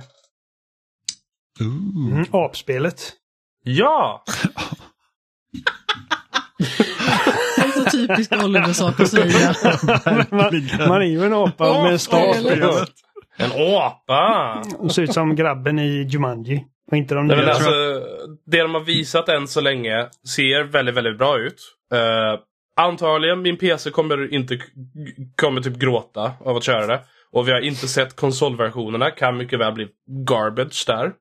Men om det blir ens hälften så bra som det ser ut så tror jag det kommer bli en, en, en hit i år. Det ser väldigt, väldigt fint ut. Ja, det... Det- Dark Souls med apor, vad kan gå fel? Ja. Ja, det, det, det, jag tror det baserar sig på samma saga som typ Dragon Ball gjorde från början. Ja, Mm. Journey to the West. Mm. Eh, och eh, vad heter det? Ja, eh, det här med Andy Serkis. Enslaved. West. Ja. Ja, men det, det, Eh, har, det, har, det har alltid varit väldigt starkt i sina visningar. Mm, Så mm, ja, det, det ser bara bättre ut för varje gång de visar det. väldigt välanimerat. Mm. Mm. Kul. Eh, under all kritik. Ja, det är ju nu det börjar bli lite spännande här. Vad ska man välja härnäst? Jag tänker att jag väljer Frostpunk 2. Oh, Mm. det hade jag hoppats på att ha. Då stryker jag från min här. Nu har inte Ja. jag spelat ettan än, även att det har legat i skämshögen ett ganska så bra tag. Men när jag och Jimmy spelade in ett avsnitt av skämshögen nu i vintras så pratade jag om att jag ville spela det första spelet. Och vi vet ju liksom att den studion har liksom en väldigt hög lägstanivå på något sätt. Med de spel som har, eh, de har gjort? sett dagens ljus. This War of Mine. Just det, just det. Just det. Mm. De älskar att göra deprimerande spel har jag märkt. Precis. Ja, alltså första Frostbank, det kan nog vara ett av de mest intensiva liksom så här stadsbyggar-simulatorspel jag någonsin har spelat. Alltså typ pulsen på topp. ja. Det, det är så det är så hardcore och ja. hemskt på samma gång att man liksom bara säger att jag vet inte om jag pallar. Liksom det är så att jag förlorade nu, blev utstött av min egen by och bara så här att jag har, inte, jag har liksom inte psyket att börja om. Men jag tror också på något sätt att det är lite det folk gillar också. Att de tar liksom det mörka ett steg längre med sina spel. På något sätt så blir det också lite svårt att inte uppskatta det. Ja, alltså det absolut det som är intressant med Frostbank är ju det att det verkligen säger också någonting om så här typ att du har det här uppdraget att se till att din, ditt lilla samhälle ska överleva. Och du måste ta till drastiska åtgärder för att se till att det händer. Ja men precis, det är ju liksom inte som i Two Point Hospital när jag somnar och helt plötsligt så har hela sjukhuset gått i konkurs mer eller mindre. Utan här är det ju typ, vad händer de här närmsta stegen? Vem kommer jag behöva välja som ska få svälta? Ja, mänskligheten dog medan du råkade sova i fem Jag bara, minuter. är, är kannibalism verkligen fel? Barnarbete och utan mat. Ja. Funkar? Nej men eh, det, det ser jag också fram emot. Det, det kommer nog bli bra. Eh, och jag tycker om att de tar sin tid med det. Då har det blivit min tur igen då. Och jag är ju så här tråkig så att jag, jag väljer Dragon's Dogma 2. Ah! Eh, Det var antingen det eller Star Wars jag tänkte och jag, jag kände... Ja, Du kände att du ville riskera det. jag, ja, jag ville ta... För jag tror ändå lite mer på Dragon's Dogma än vad jag gör på Star Wars. Men, men Star Wars har också ett sånt jävla... Sånt som brand recognition. Så. Men ja, Dragon's Ja. Dogma tror jag kommer prestera väl.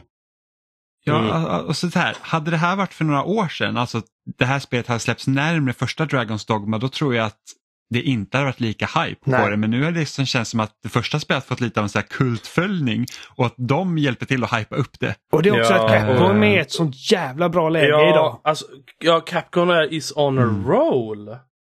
Allt de gör De är, verkligen... ju- eh, de är ju några av de bästa utvecklarna, alltså utgivarna just nu. Det är ju fantastiskt. Ja, verkligen. Ehm, så att även om jag personligen då hade sett att Dragon's Dogma 2 faktiskt hade haft riktig co-op, för att Mm, vem hade inte velat hoppa upp på typ en, en, en drake. inte, en drake tillsammans med mina kompisar och stäba dem med en liten kniv i nacken liksom helt vilt och blodet sprutar. Det, det är typ det man vill men det går inte. Nej, Det jag, väldigt trevligt. jag brukar generellt vara den som bara, äh, jag vill inte ha liksom co-op på mina liksom, ac- action-rollspel. Jag var väldigt så liksom att när de utannonserade Spider-Man 2 och båda Spider-Man var bekräftade som spelbara och folk bara åh co-op och jag bara nej, ingen co-op tack. Men i just Dragon's Dogma-fallet, det, det, är bara, det är ett spel som bara skriker efter co-op. Det tyckte jag redan i första. Eh, Mm. särskilt med pawn-systemet som är liksom pseudo-co-op. Liksom, att du alltid har liksom ett party med dig. Um, så jag håller med. Men som sagt, alltså, jag, jag tycker att Dragon's Dogma 1 är liksom tre minuter av fucking amazing liksom bossfighter och sen åtta timmar av bara liksom aimless springande över fält med Pons som skriker liksom Oh yeah, let's go to this. Liksom bara samma hela dialog hela tiden. Och jag är lite orolig för att det kommer vara lite samma i även detta spel. För jag tycker att liksom baserat på vad vi sett så ser det inte särskilt annorlunda ut.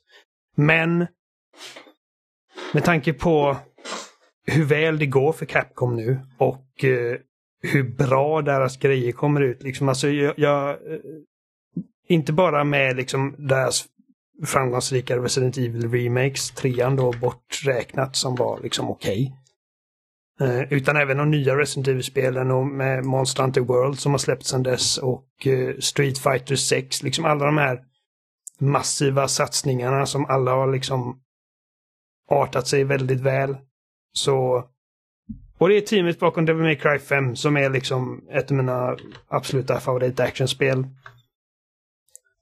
Så Dragons Dogma 2 är vad jag hade valt härnäst. Ifall inte du tog det. Mm. Mm. Ja, men alltså, det till och med blir så att när Dragons Dogma 2 utannonserades, jag kan inte känna liksom att, alltså säga att åh vad pepp jag är. Men liksom de senaste veckorna liksom, när det har kommit ut mer att liksom folk peppar upp det, då blir jag så att ja, men fan, det kan nog bli rätt så nice ändå.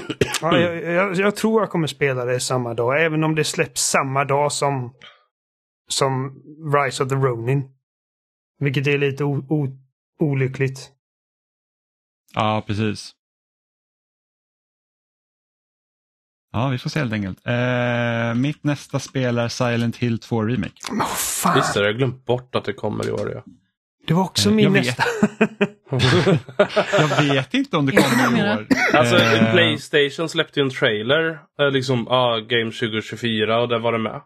Så jag antar att de har kollat med dem innan i alla fall. och det här, är, det här är faktiskt, känner jag, lite risky business. Uh, ja, jag, jag, jag, jag tar en counterpick på den. Ja, vi, vi kommer snart counterpicka. Men jag vill! Eh, eh, för att eftersom de ut, eh, alltså Bloober Team är sådär. Sådär. Eh, och och Silent Hill 2 är fucking amazing. Eh, yes, och... och det är så att minsta lilla liksom problem här, då it's gonna be hell to pay känner jag. Ja, förstoringsglasen mm. kommer vara på det. Yes, och speciellt också om de ska typ lägga till eget material. Om inte det är liksom up to snuff då är det också kanske poäng som, som ryker där. Och det är också ett spel som är det är väldigt, väldigt, väldigt noga att man fattar poängen med originalet. Absolut. Det är inte ett spel som bara är liksom, åh det känns bra att skjuta folk i ansiktet och sparka dem som Resident Evil 4. Nu vill inte jag liksom downplaya hur, hur välgjort Resident Evil 4 är, men liksom Silent Hill 2 har så mycket mer att göra med liksom karaktärerna och deras liksom Alltså psykologin bakom och... Och, och, och hela tematiken. Tematik, precis. Det, det är sånt som är liksom mer på djupet som inte liksom är omedelbart på ytan liksom tydligt. Ehm, mm. Och ifall... Så du menar att det inte är djup psykologisk analys som en Napoleon-dvärg i Resident Evil 4? Nej men alltså det är bra actionspel är inte lätt att göra så att jag vill inte liksom downplaya liksom. Men Resident Evil 4 är ju, jag, jag tycker personligen mer om Resident Evil 4 än Silent Hill 2. Silent Hill 2 dun, dun, är verkligen enastående men det är inte särskilt kul att spela och jag antar att uh, remaken kommer hjälpa på det planet, liksom, att liksom modernisera det lite så att det inte känns lika liksom värdelöst att slå monster med baseballträ eller vad det är. Um, men if, men om, om poängen missas ens lite så kommer det spelet liksom bli slitet i stycken. I alla fall av fansen. Sen får man se liksom hur kritikerna tar emot det. Ja, men jag, ska, jag, ska liksom, jag är inte orolig för att det här spelet skulle liksom få typ fyror och femmor. Nej, nej, nej, nej. Men det, det kan riskera att hamna under 70. Mm. Och, och, jag tror att större risk är att det bara hamnar lite över 70 liksom så att du får typ tre ja, poäng men då är det, det, Då är det ändå pluspoäng. ja. Då är det ändå pluspoäng. Så jag, jag, jag, tar det som en win. ja, ja det, det var också, uh. Silent Hill 2 var också vad jag hade tagit. Uh, det och Dragon's Dogma är de två jag hade tagit och uh, Silent Hill 2 anser jag är liksom lite av en Hail Mary. Alltså, inte bara för att det är liksom mycket, jag kan absolut se att det är liksom skjuts, skjuts upp. Mm. Uh, för att de vill att det ska liksom bli bra. För särskilt nu när, när, liksom, när vi snackar om renässansen, när det kommer till horror, liksom skräck-remakes. Med Resident Evil-remakesen, Dead Space-remaken. Uh, Konami vill liksom, kommer inte vilja liksom att det här kommer ut och är liksom den första riktigt dåliga remaken av en klassisk skräcktitel. Uh, mm. Så, uh, ja. Vi får se. Ja, det är en risk. Uh, jag, jag, får hoppas jag får håva in de här storpoängen på mina tidiga picks. Mm. under all kritik, AB. Ja, det har ju liksom inte slagit så jättemycket på fingrar tidigare, men nu tänker jag att jag väljer Rise of the Ronin. Ja, oh, ja. Det börjar bli svårt. Det är det närmsta jag kommer att få spela som Batman under 2024. ah, Man har det här glidflyget. Du kan spela som Harley Quinn i... Uh, fast det, kom, det kommer ingen drafta. Suicide Harley Squad. Quinn är ju ingen Batman. Men sen, Suicide Squad skulle ju faktiskt kunna vara så att det är så, jag tror att folk har så låga förväntningar på det så att det kan faktiskt överraska betygsmässigt. Jag kan tänka mig att det får över 70. Ja, det, det tror jag definitivt att uh, men, men jag tror inte att det kommer... Svårt att säga. Uh, vad, fick, vad fick Gotham Knights?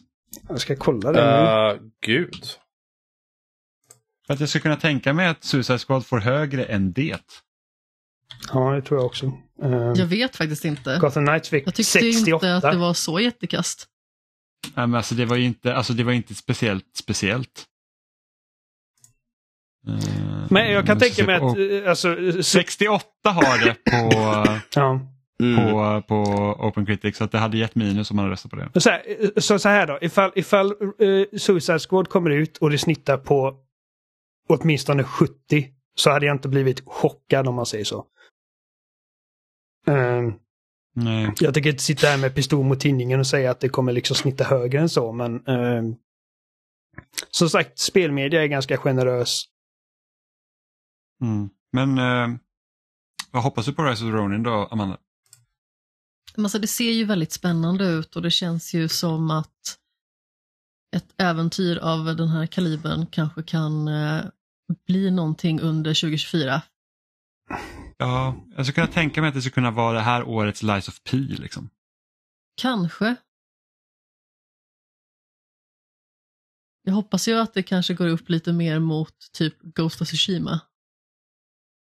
Alltså, mm. Så, så hög ribba sätter jag inte för jag tycker Ghost of Tsushima är alltså, verkligen skitbra. Men, men jag, uh. jag hoppas att det är mer och det, som sagt, det har jag sagt flera gånger på podden, men, men mina förhoppningar för Rise of the Ronin är mer åt Ninja Gaiden, mindre åt Dark Souls, för att nu har de gjort tre Souls-likes.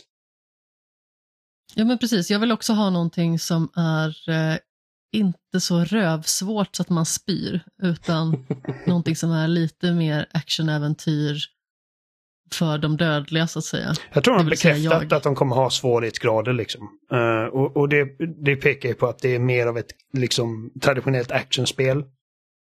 Uh, men uh, Ja, nej alltså för mig, jag tänker inte så mycket på svårighetsgraden. Jag, jag tänker mer på strukturen av spelet. Liksom att det mindre liksom stadsrunkande och Jag trodde du menade städer. Statistics. Vad är det för fel på städer? jag tänkte också, jag bara, och sen bara, vilka spel har de gjort med så stora städer? jag hörde exakt samma sak, blev väldigt förvirrad. Uh, vad var det det hette? Wolong var det va? Uh, ja, som, liksom, det, var, det, var, det var ju rätt så kul. Ja, helt okej. Okay. Det snittade på 81 här på Open Critic. Uh, Men där stötte ni också på patrull. Ja, ja, det var ju knepigt på ja. sina ställen. Och det var, det var ju liksom en Souls-like. Alltså, ja. det, det är strukturerat som ett Dark Souls-spel. Och jag vill ha något som... Ja, med tanke på hur dålig jag är på spel så känner jag ju att om det finns spel som går lite i mörkare ton så får det liksom gärna vara kanske återigen för oss dödliga också. Jag förstår ju liksom att de här jättesvåra spelen har sin charm och jag hade velat vara en person som spelar Dark Souls och Bloodborne men det är jag inte för att jag är för kass.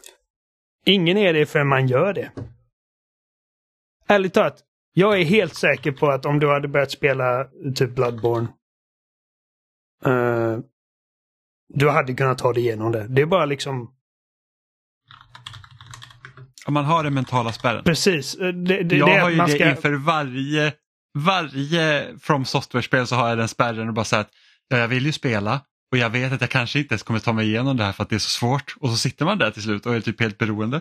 Mm. Så kände jag i början. Nu känner jag, alltså nu vet jag. Alltså jag, jag, jag, jag klarar dem ju. Så att det... Det handlar, det handlar mest om att liksom, är, är det här någonting som du tycker är kul? Då kommer du ta dig igenom det. Uh, men det är ju inte allas typ liksom kopp te heller. Nej precis, man behöver inte gilla det. Så är det. Men uh, jag håller med, jag, jag håller tummarna för Rise of the Ronin. Uh, ytterligare en som jag gärna hade velat drafta själv. Nu, nu börjar det bli svårt. Men så har du slösat på Metroid Prime 4 och sånt ja, skit. precis. um, Okej, okay, men då har det blivit dags för Gimme Money Corporation. Uh, mitt nästa spel blir The Ultimate Dad Game, Microsoft Flight Simulator 2024. Jag trodde jag det trodde var något sånt. Jag trodde också jag, jag bara, vad är det här för roligt? Ultimate Dad Simulator, något sånt där. Nej! Men är det här typ, alltså, kommer det här vara ett helt nytt spel eller kommer det liksom ta över dagens Microsoft Flight Simulator? Det är ett nytt spel. Uh, när de släppte det förra Flight Simulator så sa de att oh, det här är det Flight Simulator kommer uppdatera i tio år framåt. Men det här är ett nytt spel. Det ligger och de lägger till allting som helikoptergrejer och, mass och uh, nya typer av uppdrag och spelsätt och sånt. Uh, och det ser ja, fantastiskt ut. Jag recenserade det första, när det, det förra, när det kom.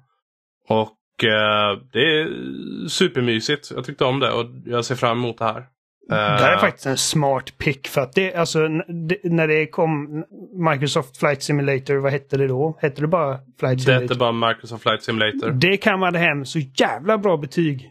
Uh, oh ja. Och uh, så detta spelet, alltså det är i princip garanterat att komma i år för att det har 2024 i titeln. Det hade varit weird om det släpptes nästa år. Och uh, jag menar, jag, jag, kan tänka mig att det kommer snitta sämre än vad, än vad det spelet gjorde för att liksom, det här känns ju lite mer som en iterativ version av det spelet. Än vad det var när det kom, för att då var det liksom verkligen en revolution för den genren. Men mm. ja, jag, jag, respekterar det valet. Jag tror att det, det, det kommer tjäna dig väl. Mm -hmm. Då har det blivit dags för Pappa Snusk. Så, så, så min, min, mina tre som jag hade i huvudet var liksom det var Dragons Dogma 2 och det var Silent Hill 2 och det var Rise of the Ronin. Det är därför man skriver med Det är därför man sitter med en skriven lista. Ja men det, hade, det spelar ingen roll ifall jag har den i, i listan. Ni tog dem före mig så att jag hade ju... alltså. Jo men man måste ju ha reserver. Mm. Ja, jo, jo, jo, jo, jo. Men, men det var de, alltså jag har reserver. Min poäng är liksom att mina som jag verkligen ville ha försvann på rad liksom. Um, ja, verkligen. Så att jag kommer få ta någonting som jag inte riktigt tror på. Nej. Det låter lovande. Jag laddar mitt counterpick. Jag hade inte... Hur många har jag valt nu förresten? Är detta min sista? Nu, nej, det är din det näst sista. Det här är nummer sex och sen kommer du välja sista. nummer sju efter det. Ja. Okej, okay, men då, då tar jag... Ja, uh, oh, fuck me. Jag tror... Ja, jag vet inte. ja, jag, köper, jag, jag, tror jag tar uh, Metal Gear Solid Delta, Snake Eater. Jag tänkte just uh, insinuera att du skulle ta det. Ja, för det här tror jag verkligen, alltså de har en uppförsbacke med det här spelet. Alltså, jag, jag, jag tror väldigt lite på det här spelet. um, inte nog med att jag kan tänka mig mycket väl att det här inte släpps i år. Um, Fast Sony har sagt att det släpps i år. Ja, men sånt, sånt är alltid, sånt, sånt kan ändras. Uh, jo, men det var ju 2024-trailern. ja, jo. uh, jag, jag, jag, jag, kan se det försenas, men, men jag tror också att det här spelet inte kommer eller vad fan vet jag. Alltså, jag, bara, jag bara har en magkänsla av att, av att det här inte kommer tas emot så väl som Konami hade velat. Uh, det behöver mer pissfilter. Ja, men alltså just, just eh, när de visade spelet i rörelse för första gången så var det liksom massa fans som bara vad fan det här ser ut som en Unreal uh, fan och, och, riktigt så hård är inte. Jag tycker att det ser okej okay ut. Det ser ungefär ut som jag hade förväntat mig att ett modernt Metal Gear Solid 3 kommer se ut. För att vi är vid den tiden nu liksom att vi, vi, vi har så avancerad eh, teknik att vi kan rendera liksom snudd på fotorealistiska miljöer och det är liksom man kommer till en liksom punkt där man nästan blir för förut så kunde man använda liksom de, eh, de tekniska begränsningarna för att skapa en stil. Liksom Silent Hill är liksom ett av de mest kända exemplen liksom på hur dimman liksom tillät den världen att renderas. Men det blev också liksom en hela identiteten för det spelet. Uh, Metal Gear Solid 3 såg ut på ett väldigt specifikt sätt. Och så, min poäng är att jag är inte så jätteorolig för att liksom, spelet kommer bli liksom, äh, ratat på grund av att det inte är gult nog. Däremot tror jag, jag vet att de har sagt att de kommer inte spela in ny dialog för spelet. De kommer använda den gamla dialogen som är jävligt 2005. liksom. Mm. Särskilt jävligt japanskt 2005. Uh, eh, och att se det liksom med fotorealistiska ansikten kommer, alltså jag kan inte tänka mig att det inte kommer bli super weird. Um, och sen också alla de här quirky Kojima-grejerna. Ifall de kommer överleva transitionen. Kommer man kunna jaga Ape Escape-apor? Precis, kommer man, och, och kommer man kunna ha ihjäl eh, sniperbossen genom att stänga av spelet Men... och återvända en vecka senare? Men det är också, det de har visat är också något som ser lite riskabelt ut. Att det de har visat ser ut som exakta områden från Playstation 2-spelet, bara med snyggare grafik. Ja, man känner igen banorna liksom. Det, ja, det ser ut som att det bara är en grafisk update egentligen. Ja, och jag vet inte vad som är mer riskabelt. Att, att försöka liksom göra en reimagining av det som man gjorde med, äh, säg Resident Evil 4. Mm. Där, jag menar alltså. Man känner igen liksom. Eller Twin Snakes. ja, men Twin Snakes är också, alltså det är också, alla rummen är ju typ exakt likadana. Ja, uh, jo, fast det är mer i stil med, med ja, jag fattar vad du menar. Mm. Ja. Uh, ja, men liksom att, att försöka liksom uh, re-realisera det. Mm. för en, liksom, en modern tappning. Och riskera liksom att tappa vad som gjorde originalet speciellt. Särskilt nu när man liksom, vad jag förmodar är liksom ett team som, som inte har varit liksom i ledande roller för originalet. Um, och hela historien med Kojimas skilsmässa från Konami och hela det. Och, det, det ja, de, de, har en massiv uppförsbacke och jag är inte övertygad om att de kommer liksom ta sig över den särskilt uh, gracefully. Um, jag tror att jag känner mig ganska trygg i att tippa att det åtminstone inte kommer ge mig minuspoäng. Men, men man vet aldrig. D detta är verkligen en som jag... Jag tror, jag tror faktiskt nästan det... mer på Silent Hill 2 än vad jag tror på detta ja. spelet. ja, det, det, man ska ju liksom tänka på att det, oavsett vad, vad det är, det är Konami. Nej, inte Konami. Jo, jo Konami. det är Konami. Ja, det är, ja, det är Konami. Jag råkar tänka på att blanda ihop dem. Blanda ihop dem. ja, det är Konami det... och det senaste ja. Metal Gear-spelet de släppte var ja, den här liksom superpissiga samlingen. Och innan ja. det var det Metal Gear Rise, eller vad fan det hette. Metal Gear Survive. Survive, ja. Som verkligen är liksom alltså det enda spelet som jag liksom har bojkottat i mitt liv. Jag köpte det i present åt dig på Xbox, ja. men du, du löste inte ens in det. Nej, jag löste inte ens in det. Trots att jag sa till dig att jag svär på min mammas liv att jag kommer aldrig starta det spelet. Du borde inte köpa det till mig och du gjorde det ändå. Ja, men, eh, jag tänkte att du Så skulle det är få så dåligt så samvete. Adam började köpa fysiska spel. Nej, jag, jag, Ja. Nej, så att, men det är också en sån grej som jag, jag känner att Konami har mycket att bevisa. Och jag tror men att... grejen är att de bryr sig inte om att bevisa det. Det, det var det jag också tänkte. Bryr, bryr ledningen till sig tillräckligt mycket? Ja, ledningen Well, vet inte fan ifall de bryr sig. Men jag tror att de som gör spelen, jag tror att det, det är team som sitter Ja, ja. och gör den här remaken, de bryr sig. Ja, så Ja, kommer. Konami bara, här ni har fem spänn, lös det. Eh, så nej, alltså som sagt, Metal Gear Solid 3 är också verkligen så här, är ett viktigt spel för mig. Och jag... eh, Ja, väldigt viktigt spel för mig. Och, och jag, jag, jag har länge sagt att jag gärna tar en remake av, av just trean. För jag tycker att liksom rent kronologiskt i Metal Gear-serien så funkar det väldigt, väldigt väl bara på egna ben. Till och med första Mm. Metal Gear Solid kommer liksom med bagaget av MSX-spelen. Och detta verkligen är liksom det första. Ehm, men bara baserat på förutsättningarna och just det här liksom att ja, vi kommer inte spela in ny dialog och liksom och jag, och jag vet liksom att mycket av dialogen i det spelet är så jävla cringy och det fungerar. För att det har liksom en, även en liksom stil som är jävligt cringy och liksom nästan medvetet cringy men om man sätter allt den cringen i liksom ett fotorealistiskt setting, hur kommer det funka? Jag, vet, jag kan inte föreställa mig att Alltså det är vissa scener som jag bara åh, Så här Sönderkomprimerade ljudspår också. Precis. Eh, Så jag, hade ju mycket hellre sett att han tog in originalcasten. Jag menar, det är ju ett gammalt spel men David Hayter kan, kan fortfarande göra Snake-rösten liksom. Så att eh, Men, Oliver, det kostar extra. det gör ju det. Det gör ju det. Mm.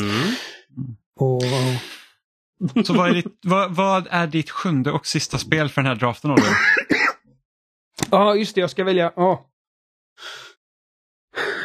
Eh, då väljer jag... ehm, då väljer jag Alan Wake 2-expansionen. Vilken av dem? Uh, har de utannonserats? Det är två. De vi som kommer har släppas. Night Springs och vi har The Lake House. Och vilk, Eh, vilk, Night Springs ska komma ut vår 2024 och Lake House kommer andra halvan av 2024 eller senare. Eh, då tar jag... Uh, ah, jag tar... Jag tar, jag tar eh, Night Spring... Nej, jag gör en ny Hail Mary. Okej. F- får jag ångra mig? Alltså jag har inte valt åt dig än. Okej. Så att du får, sä- Jag du säger, får säga jag vilket du vill säger ha. Death Stranding 2. Åh! Gud! For the win! här nu. jag känner att jag, jag är på Jeopardy och har fått dubbelchans att satsa allt. Ehm, Gå in på kasinot, allt på black.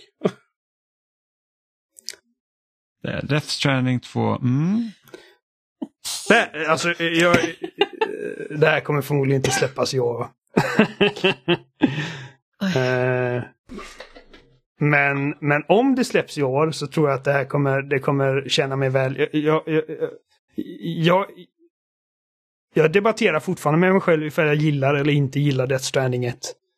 Men Alltså kritikerna gillade Death Stranding och eh, det har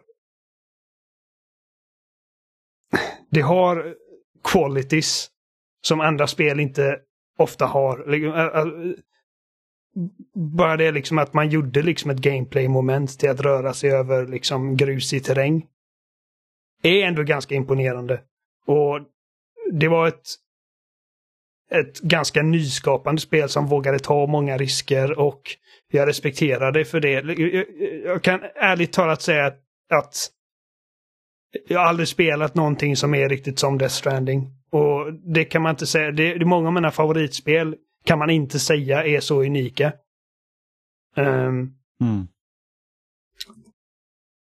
så att eh, jag, vill, jag vill kolla hur mycket första spelet fick Mm. på Open Critic här. Eh. Death Stranding 83, ja. Mm. så... eh, Ja, vi får se. Alltså, jag menar, liksom, ett, ett uppföljaren till ett omtyckt spel som, som kanske, kanske har ännu bättre budget och kanske eh, ännu bättre polerat och bättre realiserat i sina koncept. Um, så att poängmässigt så känner jag att Death Stranding 2 är ett, ett sunt val. Det, det är väl mer att jag, jag är väldigt osäker på om det kommer i år. Men, men jag, jag kör på det istället för en expansion till Alan Wake. Mm. Bara för att det blir roligare. Yes, då har vi Adam med sitt sjunde och sista spel. Ehm, jag... Min chansning blir Avowed. Ja. Min magkänsla säger att det kommer bli fucked up för att Microsoft skulle inte ens kunna skruva i en glödlampa ordentligt. Nej, men Eh, alltså- Med hur de släpper spel just nu. Men jag tycker om Obsidian och jag tycker om Pillars of Eternity-spelen och den världen de har satt i. Outer Worlds snittade 83. Ehm, Ja, Bra spel. Ja. Mm. Och det här ska väl vara något liknande scope va? Alltså från Mm, början ja. var det ju tänkt att vara det eller Scrolls och sen var det så att ah, de skalar ner det lite. mm. Var det inte Nej, det men, att eh, folk bara, för, bara antog att det skulle bli deras Elder Scrolls? Nej, jag har, för, jag har för mig att de sa det i en intervju också att de liksom med tanke på hur Outer Worlds mottogs så, liksom, så ändrar de lite fokus på Avowed också. Och sen Mm. så är det säkert budget och sånt också att det är liksom lättare att göra ett mindre spel Mm. än att blåsa upp det så stort. Och, och jag tror det är, jag tror ändå att det kan vara rätt väg att gå. Det ganska, Ja. ganska, ganska safe bet att det spelet kommer... För att, och detta baserar Med jag... Microsoft kan man aldrig vara säker på att spelen faktiskt släpps. Det är liksom, vi har väntat sedan fucking 2011 eller någonting sånt.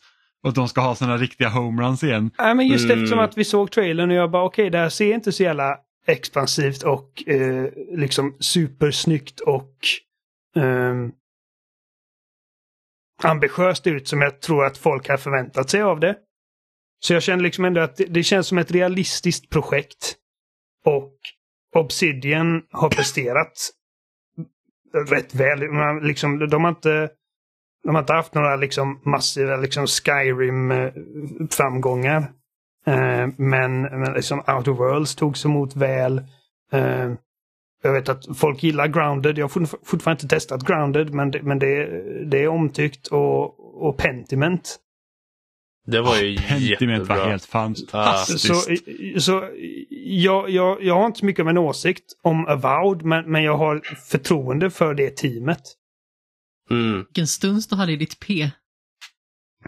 Pentiment. Ursäkta, vad sa du? Men pratar du med, pratar du med mig? Ja, men Pentiment var ju skitbra. Pentiment. Jag hade verkligen lagt mina pengar på Pentiment 2 om det hade varit så. Mm. nej, nej, men jag, eh, Obsidian, de, de är duktiga. Så att det känns som Mm. eh, ett säkert kort. Mm. För lite, Ja, jag- i alla fall några jag- jag- pluspoäng. Jag hoppas på det. Under all kritik AB. Ja, jag står ju lite grann i valet och kvalet här. Antingen så kommer jag försöka använda lite mer av min hjärna eller lite mer av mitt hjärta och jag tror att hjärnan får nog faktiskt vinna lite grann den här gången. nej. Jag tänkte ju att jag skulle välja Citizen Sleeper 2 Starward Vector, men jag är inte helt säker på att det kommer komma ut i, i år, om jag ska vara helt ärlig. Jag hoppas ju. Varenda liten cell av mig vill ju att den här uppföljaren ska komma ut i år.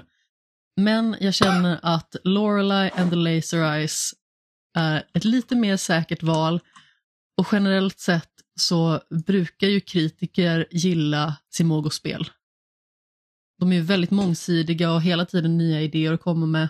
Och Sayonara Wild Hearts, som är deras föregående spel, är ju ett av mina favoritspel. Mm. Jävlar vad liten hype factor det var på det här spelet. Det är inte folk som känner till det liksom. Men Mm. jag tror definitivt att det här, för att jag hade tänkt att välja det. Det alltså, Ja, men det är, Sayonara Wild Hearts var jättebra, Device 6 jättebra, Yearwalk var jättebra. De vann ju dessutom eh, Sydsvenskans kulturpris Precis. eh, i år.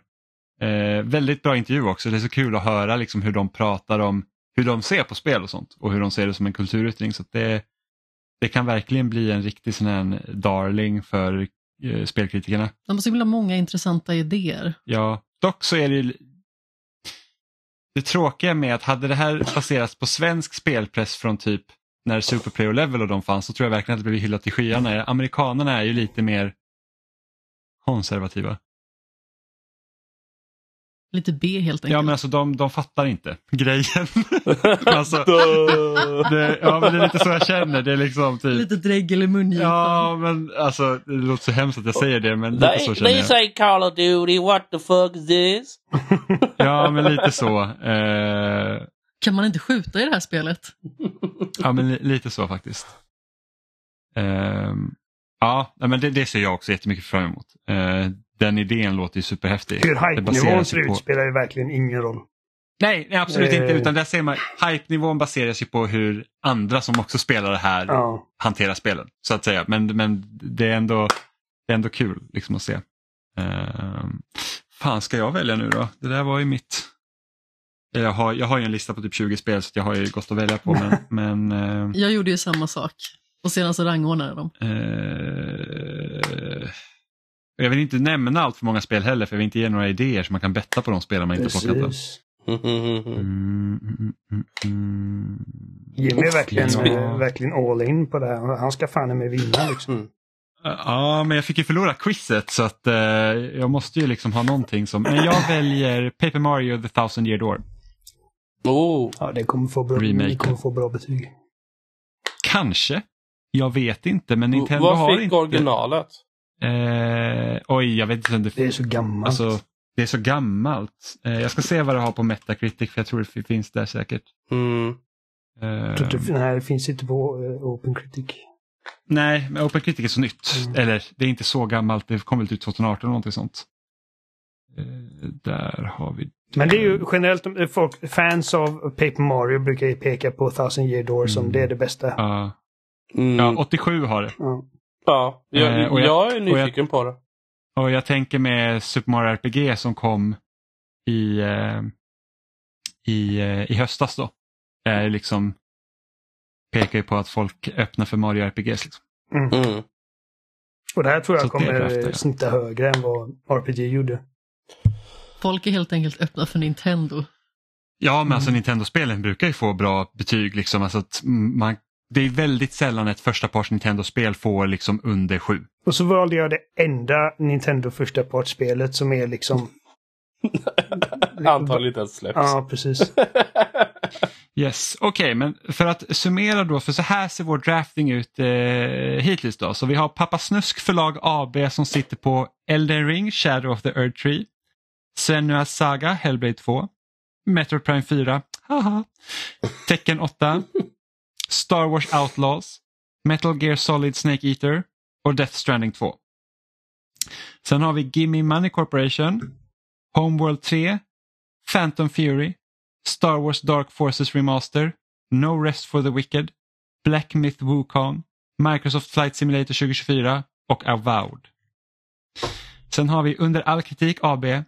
Like a Dragon Infinite Wealth, Hades 2, Earthblade, Prince of Persia The Lost Crown, Frostpunk 2, Rise of the Ronin och Lorelei and the Laser Eyes.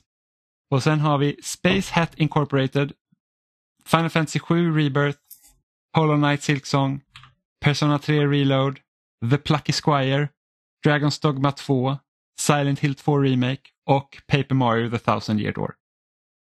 Alltså så här, och när jag tittar på detta så känner jag att jag, jag sitter jävligt sur till. Eh, Mm, mm, mm. Pappa Snusk-förlaget kommer inte komma långt. Eh, Här blir det konkurs. men, Ja, men tänk på att du har 11 spel du får köpa nu. ja, jo, jo. Men bara, bara baserat på vad Totalt. jag har nu. Jag, jag känner att Jimmy, din, din roster ser ganska stark ut. Ja, min roster är den tråkigaste kan jag väl säga. Ja, men den ser stark ut. Eh, Amanda ser stark ut också. Jag tror att eh, jag och Adam är nog de som har varit lite väl... Jag, jag tror med, med mitt namn Gimme Money Corporation att jag har tagit pick som liksom inte kommer tjäna särskilt mycket pengar. en fråga jag har. Dark Forces Remaster. eh, ja. Är inte det två spel de släpper samtidigt? Mm, jag kommer inte ihåg. För att det som är draftat nu är bara det ena liksom. Mm, mm, mm, mm. Det... Ja, jo, men eh, vi, vi tar Dark Forces i alla fall. Uh, Mm. Sabba inte min bett nu. Och då har det blivit dags att drafta ens counterpick. Mm. Mm. Och vilken ordning Eh. gör vi detta då? Det ser ut som att det är jag som börjar. Ja. Undrar vad du kommer... Riggat. Eh, och jag, ja, men jag är fan, det är fan svårt att veta vad jag ska counterpicka här. För att det är så här, att jag tänkte lite så här Metro Prime, jag tänkte Metro Prime 4 för att ett, jag tror inte att det släpps i år, Mm. vilket hade varit ganska kul. Men det är också så här att om det släpps, då ligger jag illa till om jag counterpickar det. Inte, inte nödvändigtvis, men... Alltså jag tror det, jag tror att det är ett sånt spel som kan få höga betyg. Eh, Klart det kan. Ja, ja, absolut. Precis. Eh, och, och den andra delen av mig tänker på Star Wars Dark Forces Remaster. och vara så här att det där. Men, men samtidigt är det också lite så här att det kan vara så fast få som recenserar det och de som recenserar det tycker om det redan. Och då är jag också körd. Men eftersom jag har ju kört, jag har ju kört väldigt safe hela den här draften och jag har typ verkligen strategiskt valt de, hög, alltså de mest högprofilerade titlarna för jag trodde att de skulle ryka fort. Vilket de inte gjorde för att ni var lite roligare än vad jag var. Eh, så väljer jag faktiskt Metro Prime 4 och Och så, du som hopp, sa det själv. och så hoppas jag in i Norden att Nintendo bara säger nej Metro Prime 4 händer inte 2024. Så att nu väljer jag det. Mm. Det är fair. Och, och sen har vi under all kritik AB som ska välja sin counterpick.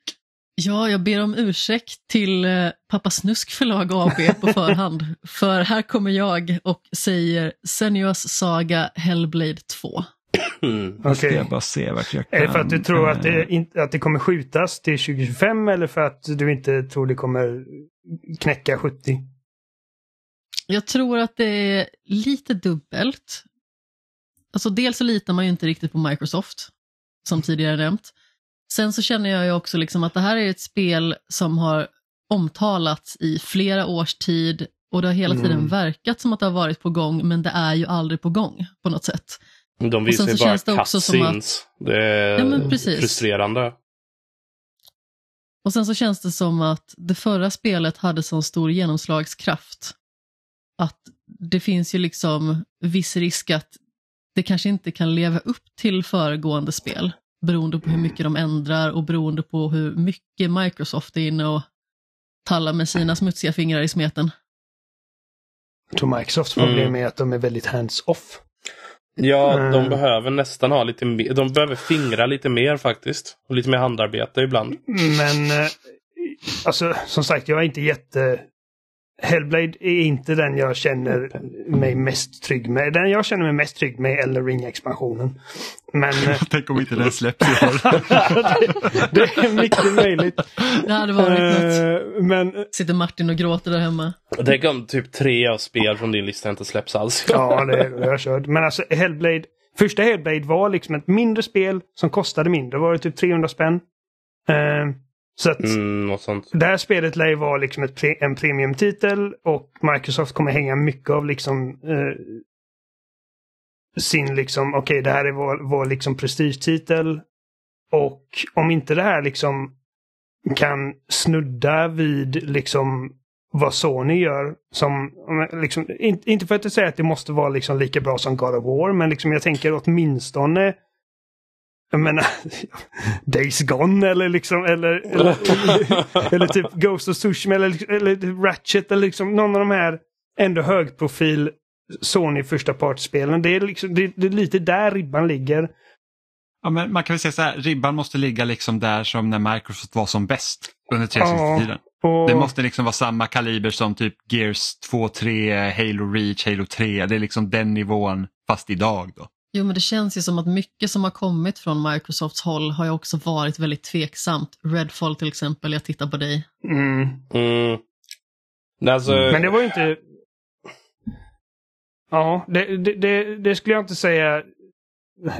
Alltså baserat på vad jag Mi- Microsoft, läst. hade, Microsoft hade all chans att uh, faktiskt lägga ner det spelet som många av utvecklarna Ja. ville. De, De hade all chans att titta in och bara hej, hur, hur går det här? Är det klart än? Eller hur, hur Ja, ser men- det ut? Och Precis, bara, men min poäng är att det spelet sög inte för att Microsoft gjorde att det sög. Det, det spelet sög från början. och det, det Microsoft- sög för att de lät det suga. Och, och Microsoft borde ha gått in och liksom bara, hej, det här får ni göra någonting åt. Ehm, Mm. Jo, men det känns ju liksom som ett återkommande problem på något sätt. Det var ju samma Ja. sak med det här eh, spelet från eh, Ninja Theory, som inte jag kommer ihåg ens vad det Bleeding heter. Edge. Precis. Vem Ah. pratar ens om det idag, Men det- förutom det var- jag en gång? Det var därför de köpte Ninja Theory. Inte på grund av Hellblade. De såg det här multiplayer-spelet som skulle bli nästa grej. ja, men det Ja. är Ja, men då- Microsofts otur. Ja, men då låser vi in Hellblade 2. Det gör Mm. vi. All, alla Eh, kommer bara har- låsa mina grejer. Och då har turen kommit till Gimme Money Corporation. Mm. Eller jag tar Silent Hill 2 Remake för jag tror inte Konami hade kunnat göra mål. Även om målet täckte halva jordklotet. Ditt svin! Hur vågar du? Ja, nu, nu är du låst. Ja, nu, nu, nu är jag fast vid mitt Silent Hill 2. Jag kommer eh, ta det med, med glädje. Ja, okej, och då har vi, då är det pappa Snusk som ska ta sin counterpick. jag, jag counterpickar uh, Black Myth Wukong. Det, det, Ja, det var vågat. Det, det skriker Atomic Heart för mig. Alltså. What? Oj, oj! Och, och det har gjort det från början. Alltså liksom för att Atomic Heart var också så här bara åh kolla the graphics på det här spelet. Fan vad så här, animationerna och liksom men det är också liksom ett jävla smutsigt ryskt företag som gör det. Wow, wow, wow! Jävla More ryssar. like atomic fart. Ja. Och, och Wukong, vad- är det från Kina? Eh, eh, Också ja. liksom kommunistgrisarna så att... eh, What, nej, nej, nej, what the fuck? det, det här, Vad är det som händer? eh, Stoppa honom. diktatorspel. Så att eh, jag... Eh, jag, jag, alltså, det, det är ett sånt spel som jag bara, det här, det här stinker liksom så här typ scam-spel för mig. Och, och jag blir gärna överbevisad. Jag hoppas att det blir bra men, men alltså Nu hoppas jag att det liksom får riktigt höga betyg. Ja, så kan vi du- visa att kommunistsvin kan. Du, min, min fucking apa ska spöa skiten ur dig. Nej men ifall det blir bra så kommer jag också spela det men, men eh, jag bara alltså, Jag ångrar att du counterpickar Silent Hill 2. Du kunde ha tagit till av Olivers spel. Death Stranding 2. Du var fast med skiten. Det, de är helt obevisade och eh, liksom, ja, det är, alltså, det är så lätt att göra små vertical slices där man kan få någonting att se supersnyggt ut och superavancerat och, och, och välanimerat ut. Utan att faktiskt ha liksom ett, ett ska man säga, cohesive liksom spel. Ehm, och jag vet inte, är det någon som har spelat detta? Alltså har det varit någon preview om det? Undrar om det inte fanns, undrar om inte någon har fått spela demo på det. Jag vågar inte svära på säkert på det. Har inte det varit typ IGN First någon gång kanske? Uh, IGN Black Myth First Hands-on Preview. Oj då, då kanske jag bet mig i... du, du backar inte ur nu! nej, nej, nej, jag, jag har låst in mig. Det... De jag har låst spela- in mig i de dubbel fick- bemärkelse. De, de fick spela 45 minuters långt demo med tre, mot tre bossar. Bitch! Okej, och vad sa de om det? Uh, Borde finnas bara sån här liksom splash. Uh, while it shares some similarities with mechanics with the Dark Souls series, the combat feels here is quite distinct from other similar games. Ultimately, despite games are such amount of gameplay, blah, blah, blah, there are uh, still numerous questions, bla bla bla. Ja, Eh, precis. De säger att det är det bästa som finns någonsin. eh, Eh, absolut. eh, eh, inte, eh, inte någonstans sa de promising eller feels good eller liksom, ja nej det... Jag... jag, jag eh, min, min bullshit-mätare verkligen går på high alert när jag ser det spelet. Yes. Eh, Okej, men då är, då är draften klar. Eh, Och då kan ni också gå in ja, ni kan ju logga in och så kolla på er liga så kommer ni kunna se liksom hur ställningen ser ut, Ja. eh, när liksom nästkommande releaser är och här kan ni också bidda på spel som ni vill köpa. Här ser jag för att Och de ni som har... lyssnar kan skapa den här jättefina Heja under all kritik AB-banderollen. Ja, precis. Och, och, ni, och, ni som, och ni som lyssnar kan också gå in och titta. Eh, jag kommer posta den här länken i, i avsnittsbeskrivningen också så att ni kan liksom följa ligan där om ni vill. Eh, men efter vår draft då så har vi faktiskt fått liksom och om de här spelen släpps som de är tänkta då, alltså att allt kommer i år, då har vi också fått liksom en, en, en summa på eh, hur det kommer gå för oss. Då. Points projected. Precis, du och då har vi då... så jävla mycket högre upp än vad oss, vi andra är. Tråkig jävel. Eh, men då har vi så att då har vi längst ner ligger Gimme Money Corporation på 105 poäng. Längst ner, fuck you. Yes, Men du, men du har ju tagit en massa spel som folk inte känner till vilket jag tror att Nej, liksom, sant. det Men- gör att det liksom ligger i, du kan ju ha alla sleeper hits här liksom. Sant. Jag kommer Star Wars vinna med hjärta. Forces liksom. Eh, sen har vi Pappa Snusk förlag AB på 111 poäng. Och sen kommer Under all kritik AB på 118 poäng och sen kommer Space Hat Incorporated på Macal... Makalösa. Eh, Nej, Macalösa. Macalösa. 144,69 poäng då. då. Kommer Så- han på Macarena. Ja, 105, 111, 118 och sen 144.